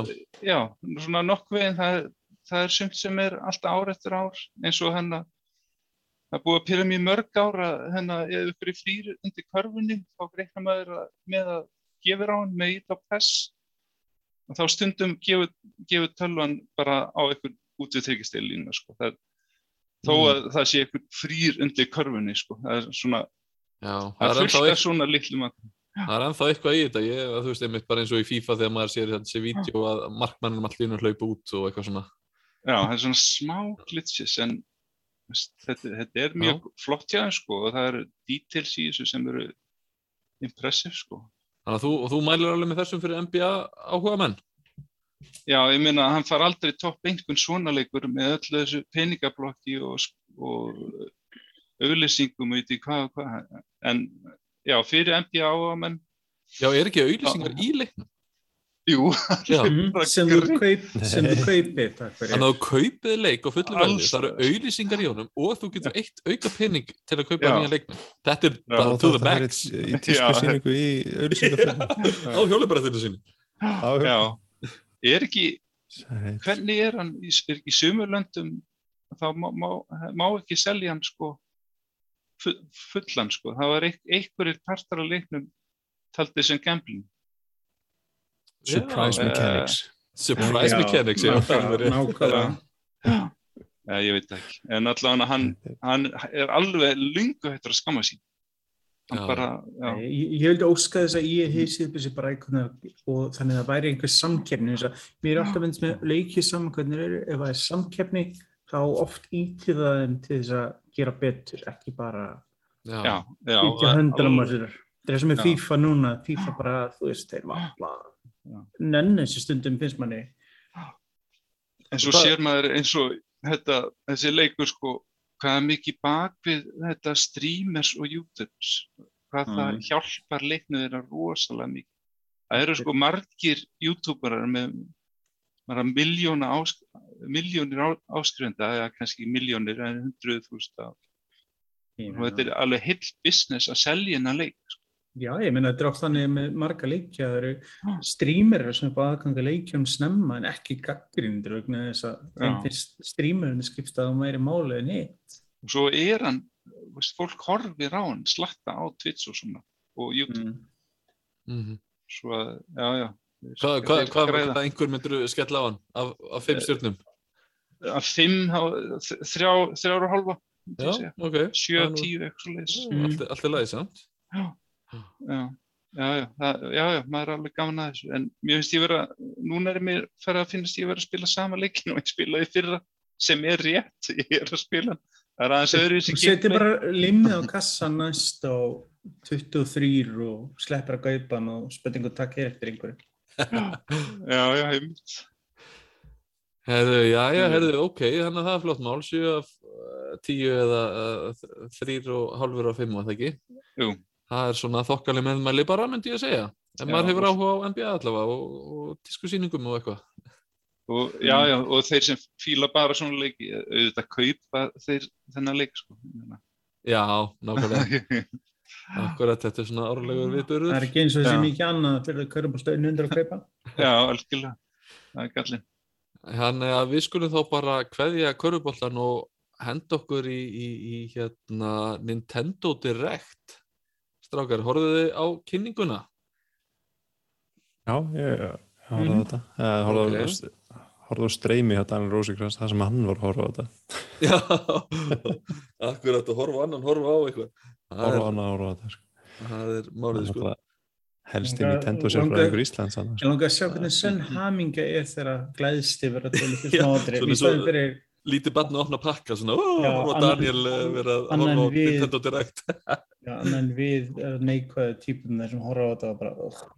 Já, ég skal alveg, þú veist, ég reynir nú alltaf að vera svona, hérna, opinn, sko, en, en þetta, hérna, er alltaf svona, svolítið spes, sko, svona sumt á þessu, sumt á þessu, Mm. annað er kannski skemmtilegra, en, en hérna, við skulum bara dempa okkur í þetta, þannig að það var fyrst hérna síndur stuttu teaser, að sögur reyndar að þetta væri trailer, en ég myndi nú kalla þetta teaser og hérna Monster Hunter Rise Sunbreak, sem er svona Já, auka Expansion. pakki, já, Já. fyrir, aukapakki fyrir uh, Monster Hunter, kemur næsta sumar. Uh, mm, Ég, ég hef ekki spilað Monster Hunter, ég veit að, að Rosenkrantz er búinn að spila hann eitthvað. þetta byggir á 3DS-leikjónum, ekki þeir sem kom út á Monster Hunter World sem kom út á Já, já, uh, það þannig. PC og Playstation og Xbox. Já, já, Ég, ég pröfa hann, mér fannst hann forðanlega, en ég, já, já, en þetta heldur áfram því dæmi. já. Uh, svo var hérna síndur Mario Party Superstar. Þá var uh, þessi klassíski partileikur. Já, sem er raunlega endurgerða eða samansafna af gömlum Mario Party. Akkurat sem er svolítið kannski stundum rauðið þráður í gangi á Nintendo. Taka gamla góða Mhm. stöfið og setja nýjan vermiði á þetta, sko. Yep. En hérna, já, ég meina, já, maður heldur sér örugglega við nýju Mario Party leikina en ég veit ekki, mér svona, ég maður þarf ekki að kaupa þetta allt saman, sko. Ég hef aldrei keift Mario Party leik. Ná, er það ekki? Nei, það er ekki tíminn fyrir fimmering. Æ, þetta er, þetta er alveg næs einfaldir partileiki sko en ég Það er bara vegna þess að ég er fúll gammalt kall sem ánga vini. Þetta er bara það. Ertu alltaf að öskra á skí, Svein? Já, og fólk sem lappar yfir grassi mitt og bara nefndu það. Ströllar í myrta lóðinni! Aha, Já. já, ég, eins og ég segi, það er heldur bara ástæðan akkur ég, ég, ég hef bara ekkert gaman að skemmtun í lífinu. Já, hérna, já, Mario Party-leikin er nú alltaf, alltaf myndi ég nú segja svona frekar klassískir sko fyrir þá sem spila það allavega. Já, já. Svo hérna var kynntur uh, uh, Square, frá Square Enix Voice of Cards sem var svona kortaleikur sem ég stóðslega fyndið mitt að sjá svona þetta var bara hardcore kortaleikur Já, þetta, bara, svona, þetta lúkaði ekki svona neitt svakalega mikið eins og Hearthstone það sem voru með rosalega mikið animationum og eitthvað dæmi heldur Nei. þetta lúkaði bara mjög mikið eins og væri bara með korta á borði og væri að Mhm. spila einhvern veginn og maður svona fyrst að maður hugsa hvað þetta er einhvern veginn fyndin ringrás að það sé tölvuleikur sem er samt spil. Eða þú veist þetta, ég horfði bara á er, töff sko en, en svona Já, já. spes pæling sko. Ég hugsaði bara, ég er ekki markhópurinn fyrir þetta. Nei, ég fíla nú margt sem Square Enix gerir en þetta er nú ekki eitthvað sem að ég myndi kíkja á en þetta er Mm. basically allur heimurinn er settur upp svona eins og kortaspil. Já, og þú veist eitthvað það- peð að flakka þarna um og flakka um til er- staða og hann er með hann artstíl eins og Octopath Traveler Já, sem var þetta með flottur svona old school stíl mm það var hann að helsta sem ég fílaði við leik. Það var ekki gameplay, það var meira bara útlitið hans. Já. Já, mér finnst kortin múðalega falli og eitthvað svona sko en maður kannski Já, ekki nei, ég er rögglum saman, það er þarna Project Triangle Strategy og síðan Yoko Taro Card það þú ert rögglum að tala um Voice of Cards, það var bara tveir leikir Já, ég er að tala um voice of cards Já, já, já, Ég var hugsa um um hins í þannig að Project Triangle, Strategy heitir hann veist. Já, já, já Hann er komin næsta ára, já. Hann er svona svipað líka. En þessi er allavega voice of cards hann kemur í lók oktober Já. og 19. á uh, 19. ekki 28. Að, jú, ég var að villi línum 28. er Já, já. Ert þú líka með svona glósur? Erum við nördar með glósur? Ég reyni Þetta að er- mæta undirbúin. Það vantar, sérsvæðingin sko. Ég, það er bara máli, ég veit að ég fær símpa frá hann sem hann öskra á mig ef ég verð ekki með Hann er alveg Lágmark. öskra á Já, tölvunar. Hvað er svillis er þið strákunum maður? Ha- hann verður örugglega nógu fúll yfir öllu neikvæðinu í mér yfir þessu þess að sko, það er nógu slæmt að hafa hann yfir því sko, þannig að reyna að klúður ekki miskvæmst Svo var hérna uh, 12. oktober þá kemur Disco Elysium The Final Cut Hafið þið spilað leikinn? ég er Nei, ég að er ekki bröðan. ég er búin að ég hefða góða hann. hluti Þú hefur spilað hann? Þetta er Gucci, eða ekki? Þetta er bara góðu leikur Já, ég kláraði hann en veist, ég, svo, svo datt ég út úr húnum, maður þarf alveg rosalega þólumæði til að lesa hann og, Mhm, Já, Og alveg það mikil sökka sér í saga hann. og svona já, og ég, Ég er datt bara úr hann, en Ég hann er mjög að- góður. Ég er búin að vera að býða eftir vegna þess að það var rúmurt að, sem sagt, að var koma útgáð Switch og Xbox á sama tíma svo ég er ekki ennþá, það er ekki ennþá bara að stafast Xbox útgáðan reyndar. En það er ekkert ólíklegt að hún sé langt undan. Þess að hann hinga til að vera bara til á PC og PlayStation 4 og 5 og það er myndið á, jákvætt að hann sé að koma út á fleiri stöðum. Já, og líka, sko, ég keipti þennan leik Disco, hérna, ræðsum fyrir ég veit ekki, löngu síðan en ég myndi ekki spila ég, svona, þetta er pínu er eins og að kaupa sér bók og hafa hana upp Já, í hillu og svo bara ég er og þessa bók Þetta er War and Peace tölvuleikin. Já, þetta er pínu þannig, sko en það sem mér finnst svolítið spesamt við þegar að vera hérna uh, auðvisa leikin að það var sagt að hann væri væntalega 12. oktober digital en physical snemma 2022 Já, svaka það er langur tími þarna milli Mm. Það það gæti kannski tengst einhver svona samningi sem ég gerði við Sony, ég veit það ekki sem Já. spilar inn í hvort sem einhver tími á milli Það er einhvern veginn svona allir sem að ætla að kaupa leikinn, kaupa þetta þá væntalega digital nema þeir sem eru einhverju svona safnarar eða eitthvað. Já, já, það er alltaf eins og ég segi en já, en Já. þetta er forn- fornur leikur og gaman að sjá fleiri geta kíkt á þennan pínu sýrðarleik Já. Uh, svo er Wave 2 væntalegt í Hyrule Warriors sem að ég veit að Rosengrans hefur eitthvað verið að streyma frá. Já, það er meira deals í Já, akkurat svona viðbútt. Já. Uh, kemur lók uh, oktober. Já, síðan er nýtt efni fyrir Animal Crossing, það var ekkert almennilega tekið fram rosalega mikið með það samt. Já, nei, já, það var hérna síðar þarna í kynningunni uh, Mm. já, þá verður einu sér kynning um nýja efnið í, í Animal Crossing það var bara svona sínt að vera að koma nýtt efni í Animal Crossing og bara ekkert sagt hvað og bara fylgist með það verður sér kynning Já. með þetta Yep. þannig að hérna, það er nýtt efni væntalegt í Animal Crossing svo er uh, uh, sko Chocobo svona Mario Kart leikur væntalega sem er basically Ég held þetta var Þetta- DLC fyrir Mario Kart Þetta bara- nákvæmlega og Mario Kart nema með Final Fantasy karakterum og í staðin fyrir þú veist bananahýði og eitthvað sveppi að þá ertu með töfrana úr Final Fantasy Mhm. þetta lúkkar bara copy-paste örugglega sko. Já, og þú meira þess að getur uh, notað mismundi level þú veist eins og Fire og Firaka og svona að vera öflugri og öflugri svona eins og í Final Fantasy leikjum sko. um, þannig að það er eitthvað og svo hérna fannst mér einn alveg fyrsti leikurinn sem ég kannski nefna á listanum sem er mér veist eitthvað svona sem ég myndi alveg íhuga að kaupa mér það er Kirby and the Forgotten, Forgotten Land Mhm. 3D Kirby-lega loksins. já, ég heyri að þið er að deyju spenningistrákar Já, ég, Aha. Ég var að, var að spila allt annað meðan Kirby var að koma út.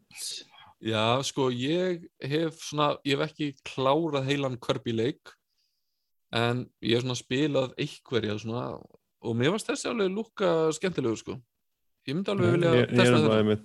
með sama, ég hef aldrei spilað spila Kirby og Nei, ég man eftir á minni að það var aldrei fyrir mig, sko. Já, þú veist, þetta er svona, mér finnst bara heimur líka lúkka svolítið spennandi. Svona opin uh, og hérna svona post-apocalyptic eitthvað, stemning eitthvað. Last of Us mætir, leikur smættir Kirby, það er gott. Það heimurum myndi svona næstu á það að það verði allt svona ótrúlega bjart. Það verði allt í rústi en samt ótrúlega bjart. En mér varst það alveg lúkka spennandi sko. Mhm. þannig að hann kemur uh, á næstaði um, svo var eitthvað Mario Golf update Svo uh, mynd, myndin, var já, hún tilkynnt á... hún var, það er svona stóra bomban sem er hérna uh, mjög seint, eða var það ekki bara seinasta tilkynningin? Það var Nei. seinasta. Nei, það var ekki seinasta, Um, var næst an- næst seinasta. alveg í lokin þannig að þá voru að fá hérna hvað heitir fyrirtæki Illumination Já, sem gerir Despicable Me myndirnar og Akkurat. Minions stótið. Já. Þeir eru þannig að eru fara að gera Mario full length movie sem er væntaleg í, í kvikmyndahús á næsta ári jólin 21. 2022. desember, já. í bandaríkjunum. Það búið, sérst, var búin að tilkynna áður að þeir var að vinna saman, þannig að maður vissi af þessu. já og þarna var verið að tilkynna hverjir tala inn á það Jep. var bara, Það var bara stjörnukast maður Mhm. ha, Mér mér finnst svo geggja að Jack Black er að, er að tala fyrir básir ég er Já, svo Það fannst, það, mér vel, það fannst mér vel vali, ég verði ekki með það. Ég var, Brilli Hvað- var eitthvað sem að kom ykkur á óvart þarna ég veit ekki með Mario. Það verður með Chris Pratt ég er sem Mario. rosalega sammálaðir ég veit ekki Sem með einhvern Mario annan karakter. Luigi Ég- finnst mér briljant Charlie Day, Geggja Já, já. Ég þar En, síðan er máli, ég vona það að þeir geri Charles Mannett, uh, görður sem er búin að tala svo lengi fyrir Mario, þannig heiður á leiðum að tala fyrir Wario og eitthvað slags. Það er mjög leiðilegt að vera að tala þekktur fyrir röddina á Mario og síðan kemur bíómynd og þú bara, æjæ. Já, En ég skil alveg okkur út með Hollywood nöfn og svolítið, það er ekki það, ég er ekki að segja að ekki gert það vel, það er bara verið forðund að sjá þetta. Það sko hann sagði, menn sem tók fram hérna uh, Miyamoto þegar hann var að kynna þetta að, að Chris Pratt myndi tala inn á fyrir Mario og Mario myndi tala mikið í myndinni mm. Þannig að En maður kannski sá pínu fyrir sér einmitt að það væri meira svona Yahoo! og eitthvað svona Já. smá eina setningar hér og þar þetta það er- verður bara það sem sagt það. samtölu hérna á fullu sko. En hafið þið séð Parks and Rec, hann er nú daldið svona ég- þar, sko. Já, ég sé persónlegt, þetta er mjög góð. Hann er ekki alltaf þessi hetja, sko, Nei, nei. Mm. ég, ég fór þennan að sjá, það er gaman að sjá fyrsta trailerin fyrir en þegar maður fór þennan að heyra uh, hvernig það verður og kannski átt að segja hvernig myndi þetta verður líka. mm En á skandið síðan að stila alltaf umræðinina, uh, við erum nýbúin að fá tilkynningu frá Sony að endur gera Knights of the Republic og meðan Nintendo mætti með endur útgafu af Knights of the Republic uppdrönulega á Switch í november. Aha. Þannig að það er veistlega hjá þér bara.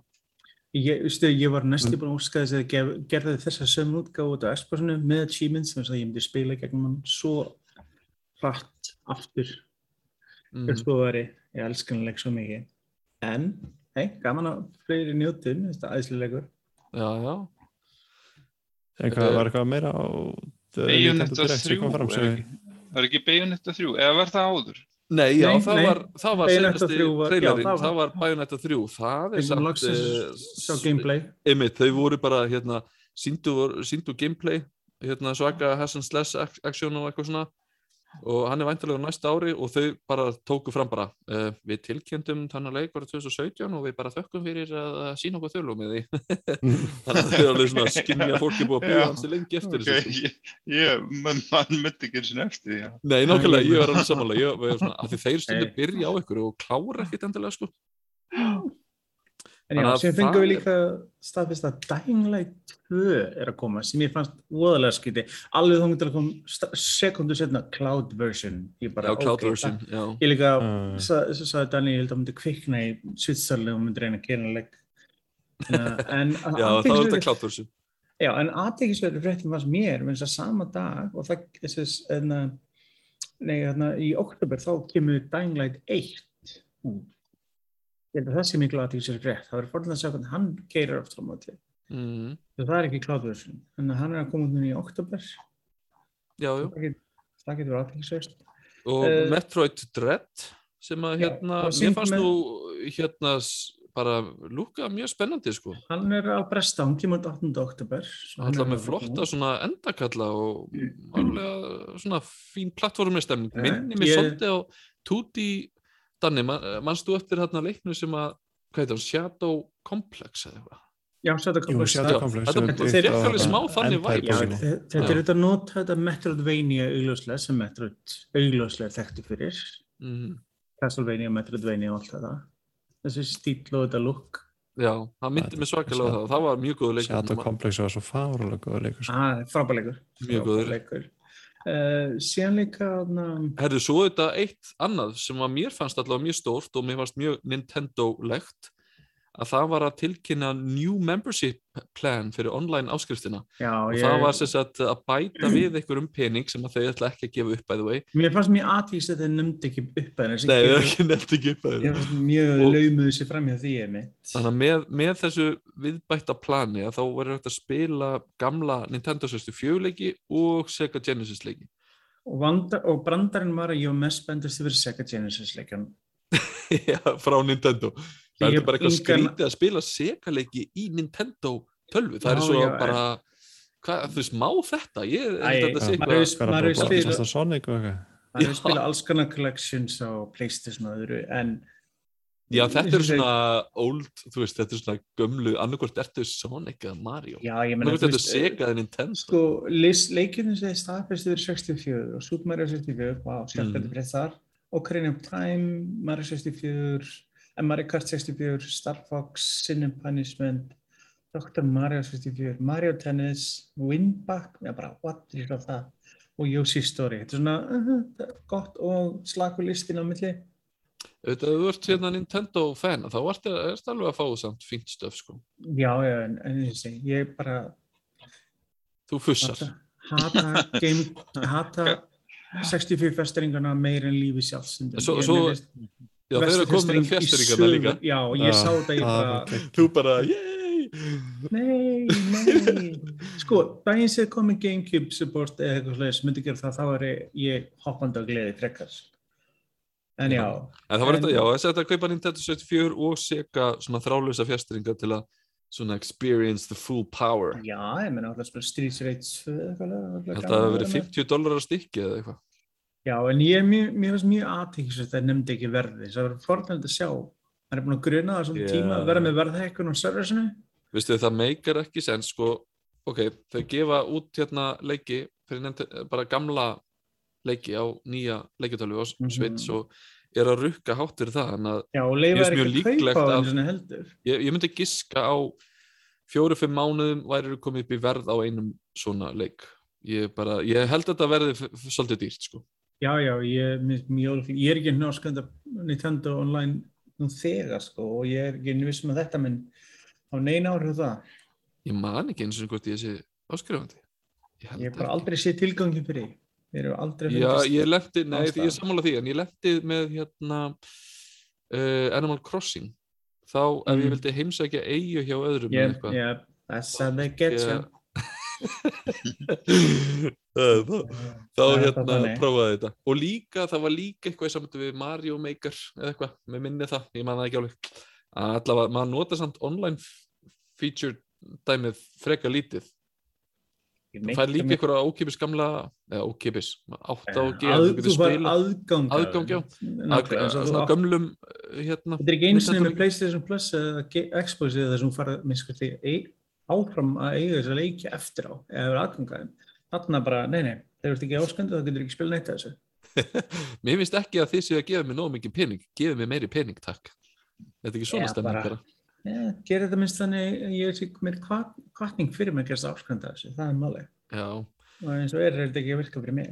Svo, svo var hérna Splatoon uh, 3 kynntur, Mm, það er þetta mjög visalir leikir Já, það er bara gott að það er að halda fór með þessu seri og hlutis og... já, og hann er væntanlegur á næsta ári eitthvað tíman Mm -hmm. um, svo sýnist mér þetta að vera svona aðalega komið hjá okkur Þetta er Svona- þetta helsta, sko, þetta var ekkert eitthvað, þú veist, já.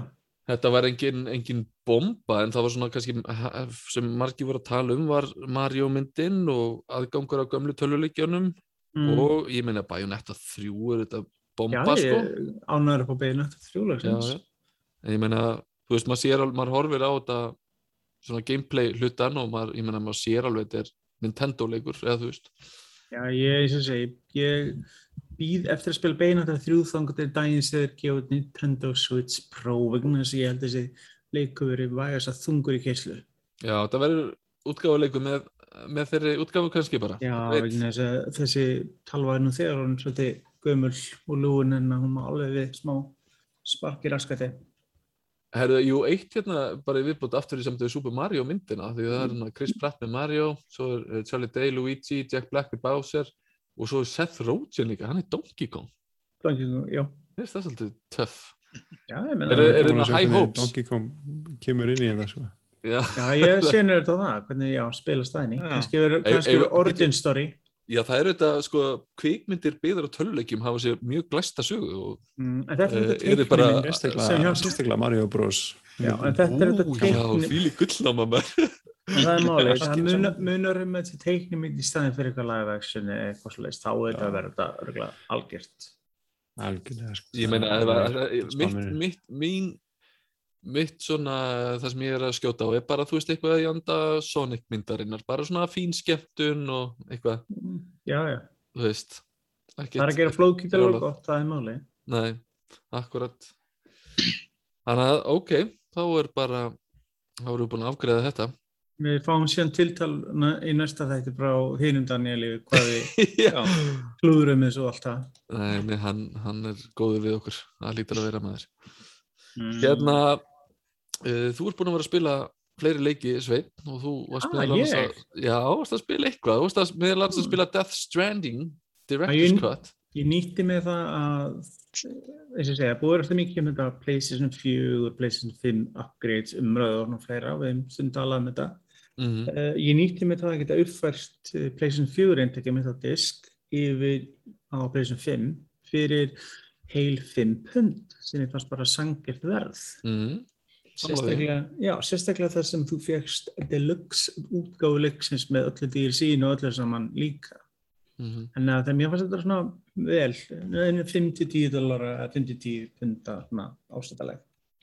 Uh, já, þetta er bara, eins og segi, þetta er betur útgáfa leiknum sem uh, maður spilaði, en það er aðgæðsist að sjá, ég var að skoða vídeo, heldur ekki til fondri.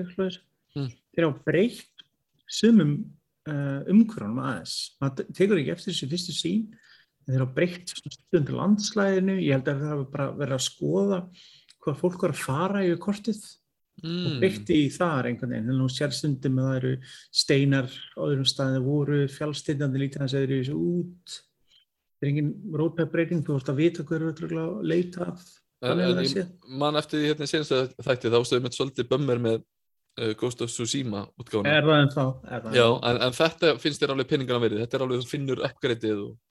Og eins og ég segi, ef Ghost of Tsushima hefur verið 10 pund að upgrade þá hefur bara rosa í hot stett og bara sagt go for it sko. Það er mólið.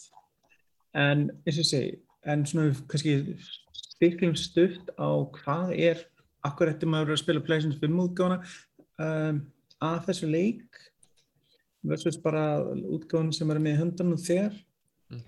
Þú reyndar getur um, En þetta er bara, þetta er fyrst og fremst uppfærið grafík og svo aftur getur þú fengið hérna auka, eða svona, hvað heitir það, svona aðstóða vélmenn eitthvað, eða ekki? Já, þetta er, þetta er uppfært grafík, þetta er allt samansapna af öllu DLC sem var gefið út og meira sem einhverjum bónustóti sem Já. kom á PC eins og verið Half-Life og Cyberpunk, það er Mm. líka hérna síðan er ný vopn og uh, nýtt svona firing range maður er bara svona, maður maður horfður á trailerin, maður bara, þetta er allir fyrsti sinn sem maður sjá líki líka svona meira Metal Gear, það er allir komið ný svæði til að líka að kíkja á.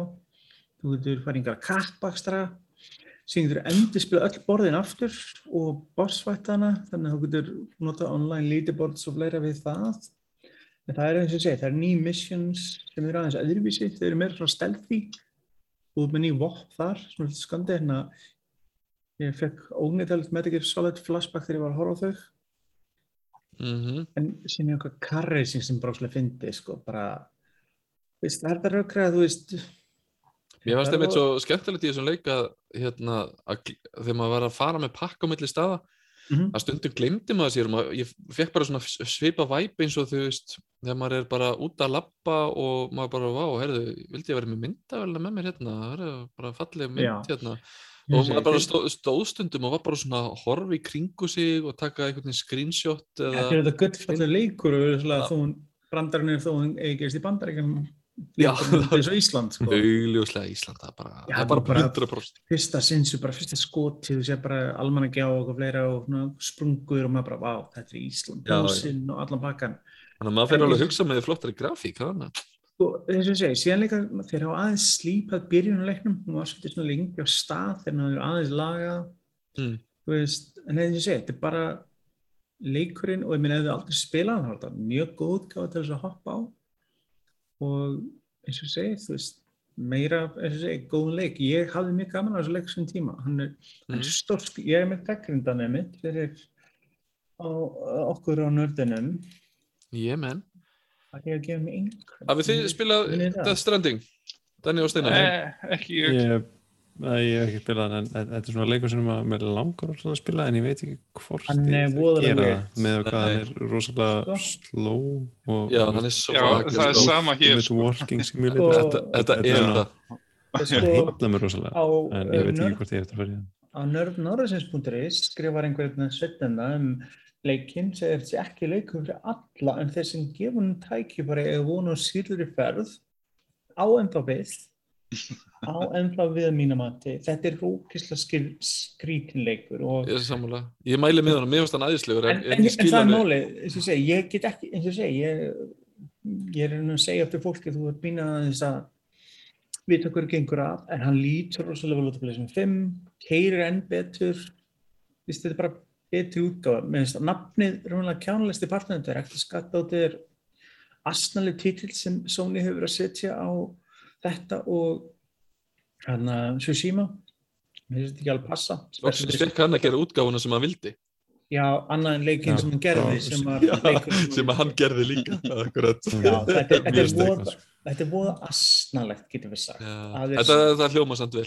En leikurinn er solid og já, auðvitað með og pleysin 5 út, 4 útgána þá er þetta ódýr uppfærsla og af hverju ekki?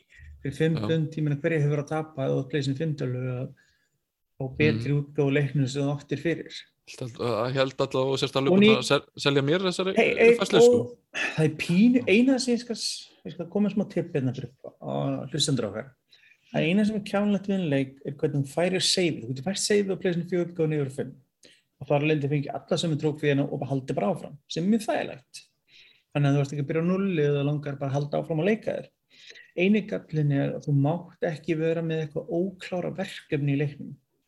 Þú þú verður gott að klára eða cancela, þú getur ekki cancelað í öll en þú gæti lendi því að þú þurfa að fara í pleysin fjóðgana installa hann fyrst aftur, fara í leikin tjekka hvað átt stattur ef þú átt eitthvað mission eftir þú getur ekki eitt þá verður að klára og síðan uploada save-inniðinu á pleysin 5 Veitu hvað erum við komin inn á 1995 eða hvað Þetta er- við þetta- þetta- þetta þetta er pínu asnalegt Já, verð- þetta er mjög pínu asnalegt. en ég var heppin, ég átti ekki neitt svo þess eftir Og hvað gerist ef þú fiktar ekki þessu? Getur ekki, leikurinn er því aðvaraði við að þú átt eftir eitthvað óklára mission, þú getur ekki transfera save-it fyrir það er búið Já, já. það er bara það, leikurinn bara segir þú verður að klára það Já, já. þannig að þú kannski átt einhver sendingu eftir þetta er auðvitað plot device eða eitthvað slags, ég veit ekki hvað það er. En annars eftir það þá er þetta ekkert mál. Fer bara leikinn, lótar hann upp importa save-it, horfur í nokkra mínútur á prófin að dinga í vinstri hæri og þá ertu búinn. Ok, ok.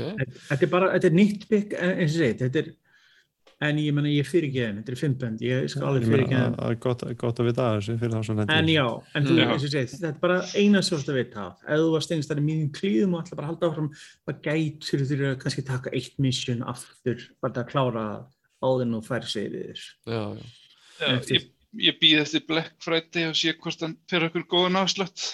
já, já, og hann Ég fannst þessi leikur alveg virka svona pínu svo hugleðislega bara. Sko. Ég, hérna, er það, ef- ef ég var að upplifa busy, tónlistina maður ef ég var að upplifa busy moment í lífinu, þú veist, það sem að ég hef bara ekki tíma, þá er ég mjög pyrraður á svona leik, vegna þess að hann er einmitt svo slow paced, en þegar maður hefur smá tíma til að, ó, hei, ég ætla að kikið í tölvuleik hérna og það er ekkert stress í kringum hann, þú veist, þá er það bara ljúf hugleðislega, sko. Já, eins og ég segi, þeir slípuðu aðeins svona byrjunina, þannig að þú veist, það er ekki alveg an- jafn annoying, þú veist, parturinn sem er partarnir í byrjunni, ég þeir eru aðeins ástaf, þeir eru svona horfið mikið á hvaða leiðir fólk var að fara, mm, örgulega til þess að minga hausverkin, þú veist, hjá fólki.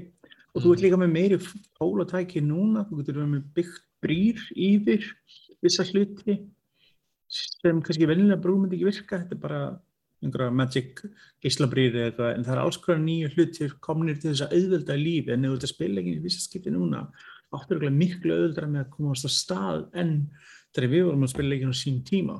Já, já. Sem var svona lengra að gýra sig, ég heldur svo fljótar að koma þér á stað og upplifa tripp í síruna sem sagan er á köflum sko. hún er svo æðislega allar, steikt. allar, allar þær hugleðslur um, þú veist, já, Bara að lýsa aðalpersonunni bara með fóstur í já blóð- og og- og- og og blóðvopnin og kúkurinn og allt það maður og þetta er æðislegt, ég elskar svona Þetta steik, sko. ég veit að þetta, þetta, þetta er uník, maður eiga það Já. sama hvað þetta er, þetta er eitthvað, þú finnur þetta ekki ennast staðar. Mér langar bara að spila aftur og að tala um hann er líka svo fallegur, ég elska þessa Dunia, þessi, þessi Decima-vélinn sem kerir Horizon þeim er kerið þannig líka Bara Íslands landslag hefur bara aldrei lítið að vel út. Mm. þetta er ekki bandareist landslag sem lítur alveg eins út eins og Ísland. Herðu, og svo- það hljóma semst bara mjög, mjög svipað eins og þeir eru búin að hafa farið hvað, sagt um hennar leik í fyrri leikjáðurhöfum bara Mm. betra. Bara búið já, að sé sé, Já. já, ná klart, þetta er bara, þú veist og ef þú aldrei spilað hann þá áttu bara vona fun stuff. En Ég ég segi annars lesi gaggrinn okkar bara og sjá hvernig það, hún fer held ég ágætlega í hvernig leikur þetta er og, Mhm. en já, Þetta ljóma bara mjög vel og svo ef við hérna Höldum hoppum áfram í- enn aftur í, lengur aftur í tíman Mhm. og það var að Dio, Diablo 2 Spiluðu 21 við- ár takk fyrir. Ha, 21 ár nákvæmlega. Ég Já. ég á einn það eintæki mitt.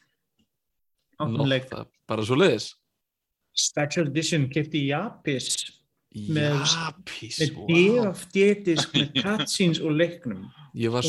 Og einhverju- hindbók og allt saman. Ég var svo mikið í Japís back in the days, ég var í innskólanum að læra forritun. Og fór ég og félagið minn oft í Japís á laugaveginum og vorum að spila uh, Dreamcast leiki hérna uh, í, Ég átti einmitt á landi svo ég mista, mista lög því.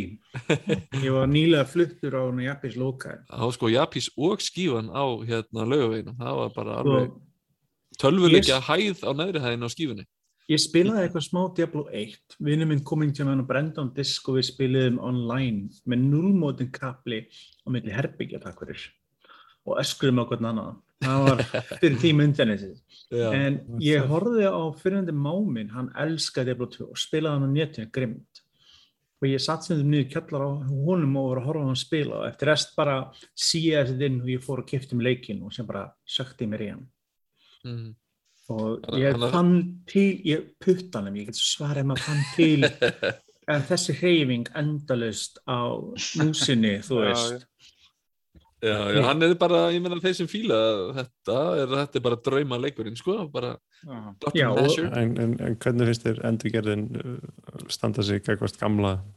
Bara eins og við rættum við í byrjuninu svolítið svona þú veist, Já, það sem maður spila leik og það sem manni líður eins og þetta hafa verið leikurinn en Það er einmitt, eh, þá kemur aftur þetta inn í þetta dót sem við tölum um að, að svona glerum við setjum á nostalgíðan og maður átta sig ekki á því oft nema maður til að leikurinn lifum en að skipta, ég meina eins og með leikinn grafíkina, heldur henni uh, L2 og ít á kassan á pleysinustrengi þá skiptir hann á milli gömlu engine sem við munum eftir og nýju.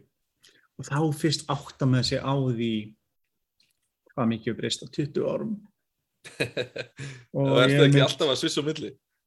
Ég hef stundum gerað það og ég hef mitt skoður vídeo sem ég er að búa til sem áttur að byrsta þá hef mitt, getið þið séð það ég er búin að klippa saman handa í bjarki minn, vídeo mannstu Já, vel gert, flott maður. Ég man að hérna Monkey Island uh, hérna, leikurinn, hann var svona, þú gæst alltaf Já. ítt á takka og séð orginalgrafíkina og svo uppfærið. Og Maður var og alltaf að íta, sko. Já, og ég gerði, ég gerði alltaf heila um eitt endagerinn en ákveðin Já. ég var alltaf að hofa með þig og eins og ég segi en þú getur séð þetta í því vídeo því miður er ekki gamla cutscenein CGI cutscenein sem listat voru svolítið frægir fyrir Hvað, sleftuðu þeim þá bara alveg? eða?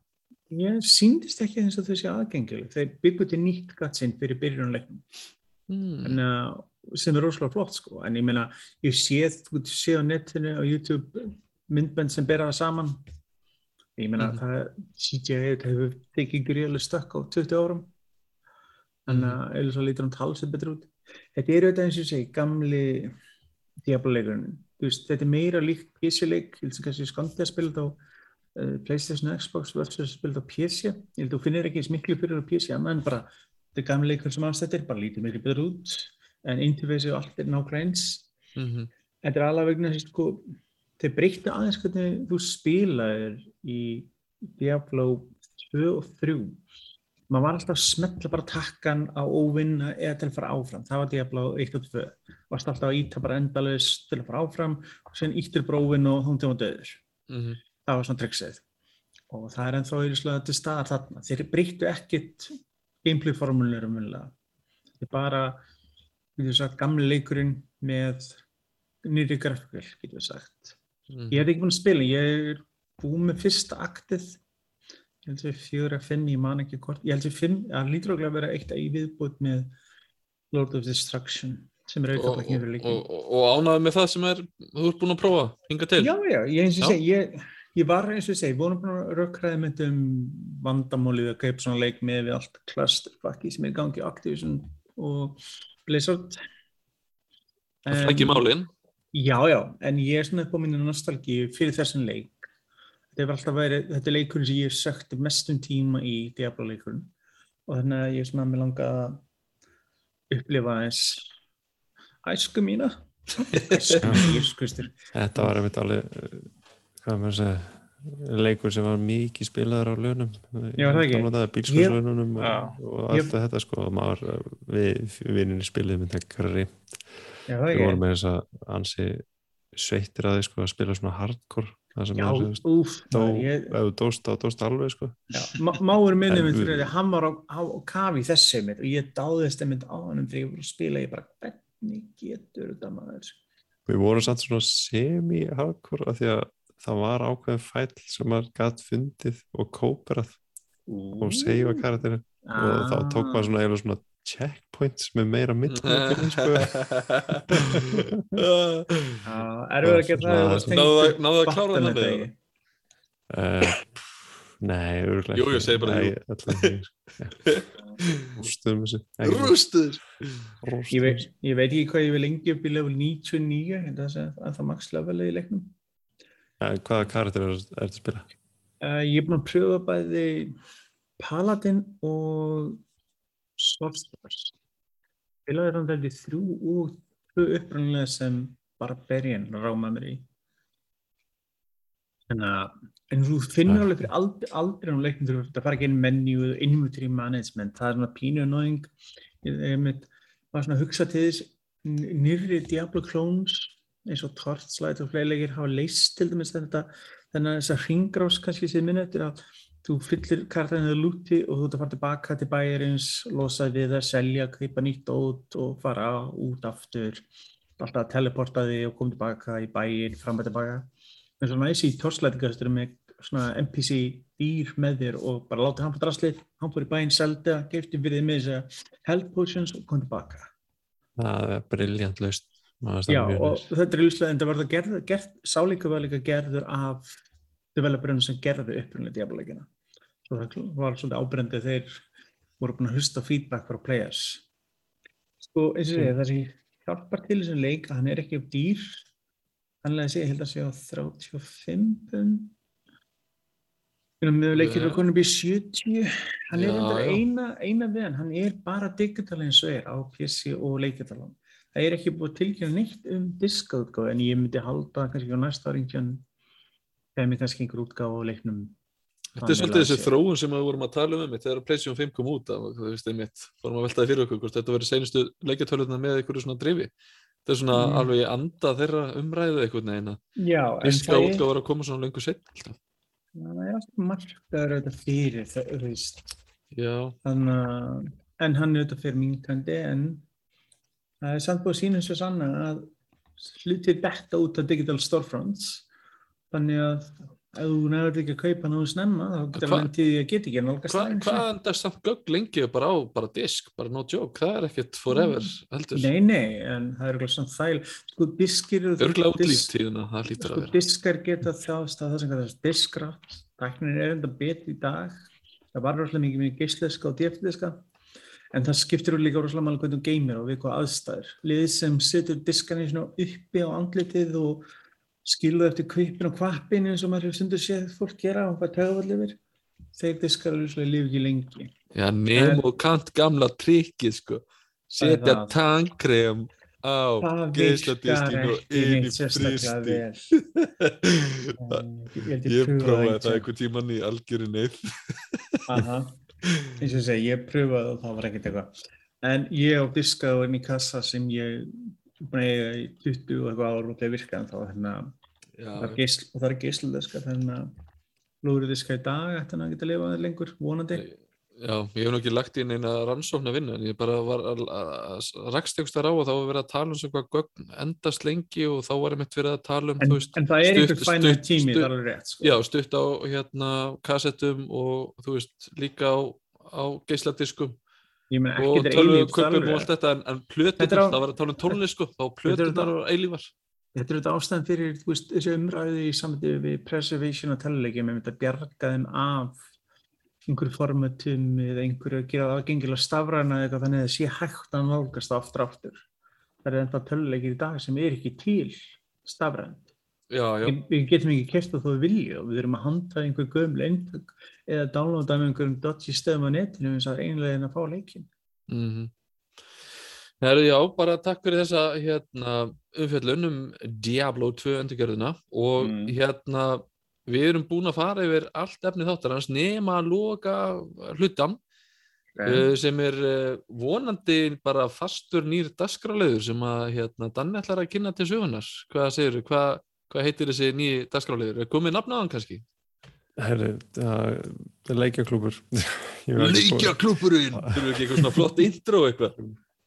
Þetta ég held að Bætur ekki bara einhverju geggju intro-lægi Leikjaklúpurinn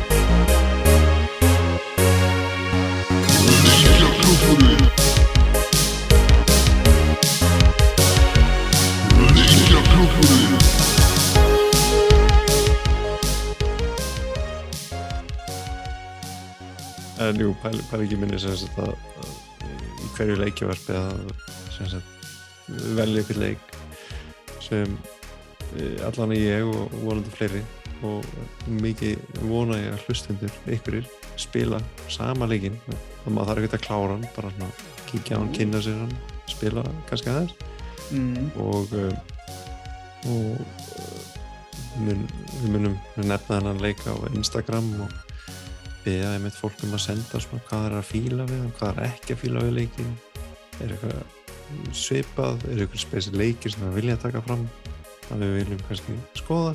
Við viljum endilega búa til svona smá backlog eða lista af leikir sem við viljum svona renniður og við erum þá aðalega að horfa í leiki sem eru kannski svona 25 dólar undir. Með að vera hungamlir með að vera hérna e, nýleir helst bara veist, já, mitt, kannski ekki svona mega trippulegu leikir sem eru að koma út ekki cyberpunk level eitthvað þannig og leikurinn sem mér dætt í hug að byrja á og fyrst það eru búin að tala rosalega mikið um remaster að passa þetta rosalega mikið en Ú. það er sjálfur Day of the Tentacle Ah. Remastered Edition Ú, Ég, næs ég spilaði hann með þetta á PlayStation 4 einmitt. Já, svo, svo, svo að svona formata á þessu ætla ég að reyna að hafa sem sagt, ég fjalla bara örstuttum með leikin núna bara pingu lítið mm. og síðan spilum hann og fjallum betur um hann þegar við höfum farið í gegnum Þannig að er heimavinnin okkar að spila leikin eða er það heimavinna hlustenda eða bæði? bara bæði, Bara bæði, bara, ok. þið, ef þið viljum vera með endilega Mm. installið leiknum, gamla, nýja Hann er fyrir áhuga, áhuga sama þá er hann á Game Pass á PC og Xbox. Þannig að ef við erum með Game Pass þá getur við downloada hann bara fyrir inniföldi áskriftinni bara og hoppa á þetta. Þessi leikur út PlayStation 2006. eitthvað Hann er til að PlayStation, ég spilaði hann PlayStation 4 mitt okay. hann, hann og, hver var það? Það var líka Full Throttle er líka þar. Full Throttle, já. Já. Það var semst, uh, þessi báður leiki voru upplega gefnir út á LucasArts en uh, Ah. Double Fine Productions Yes, Þeir Tim hérna- Schiff er komað þessum báðum og Rang Gilbert Þannig einhver leiti líka já, þetta er semst framhaldið af leiknum Maniac Mansion. En eins og ég segi, fjallast stuttlega um að leik núna sem er basically Mhm. bara, þetta er Day of the Tentacle Remastered og sem kom á 2016 uh, gefin út á Double Fine Productions endilega eða í hann installa kíkja hans aftur á hann. En ekki, þá er öruglega hægt að finna ódýr hér og þar á netinu. Já, hann er á Held- ég flest öllum stó- stórfront GOG og Steam og nákvæmlega, og inniheldur grömlu grafíkina og Maniac Mansion líka. Einmitt, það er náttúrulega spila kannski hana inn í leiknum, Jep. þar sem maður getur Sko. spila gamla meini eitthvað Ég platnaði það með leikinu á PlayStation 4 þess vegna veit ég þetta allt Já, þetta er alltaf mjög hérna, skemmtileg heimavinna. Ég er alveg til að meiri svona heimavinna. Sko. já, Sér hvað þessu Old school æfintilegir, mann vildi þeim Jeps. Point and click adventure. Þetta var svona gull tímabilið þarna. Þetta var af þeim. Svona alveg bara á toppnum, sko. mm. Ég man að það eftir þetta því þegar ég fekk þennan leik að lána ykkur staðar í hörmulegu Ú. slísi í barnæsku. Þannig maður eftir því ég var líka hann. já, já, já, ég var eftir því. ég, ég og Bjarki hjóluðin til félaga minns að fá lánaða leikinn og þá var hann á Ú. hvað, fjórum, fimm diskettum eitthvað svo þess Já, Já. Já, svo brunaði maður niður brekkuna þarna eins og ykkur halvviti og maður ætlaði að vera ókslega fyndin og þykjast að, að bremsurna væri bilaðar og svo man ég ekki hvað gerðist en allt í hennu lág ég á götunni með ónýta, uh, ónýta buksur og ónýta peysu. Og þá bara end, endaði hérna bara næstu í bara ræsinu sko. Ha, það var Nei, bara mamma gamla nýbúin að kaupa nýja Mm. buksur á kallinn og fengi lesi yfir bara pistilugla bara um- Já, þetta var hræðileg lífstæðistöð sko, ég hjólaði ekki í, í marga klukkutíma eftir þetta sko. Nei, þetta, þetta var sakalega bara Nei, ég- ég- ég, ég hef, lendið, lendið að missa framhjóli undan á hjóli. Já, það þegar ég, er var, verið, var prjóna, ég mæl ekki með þeim. Við ættum að fara í prjónakefni strákar, það er síðan að fara í Ah, Nei, ég, ég endar ítla fyrir mig, þér. Ef ætlingaði að húi það er vist prjóna Vá, ég var ekki að fatta þetta var ok, fatta þetta. Þetta var dead joke.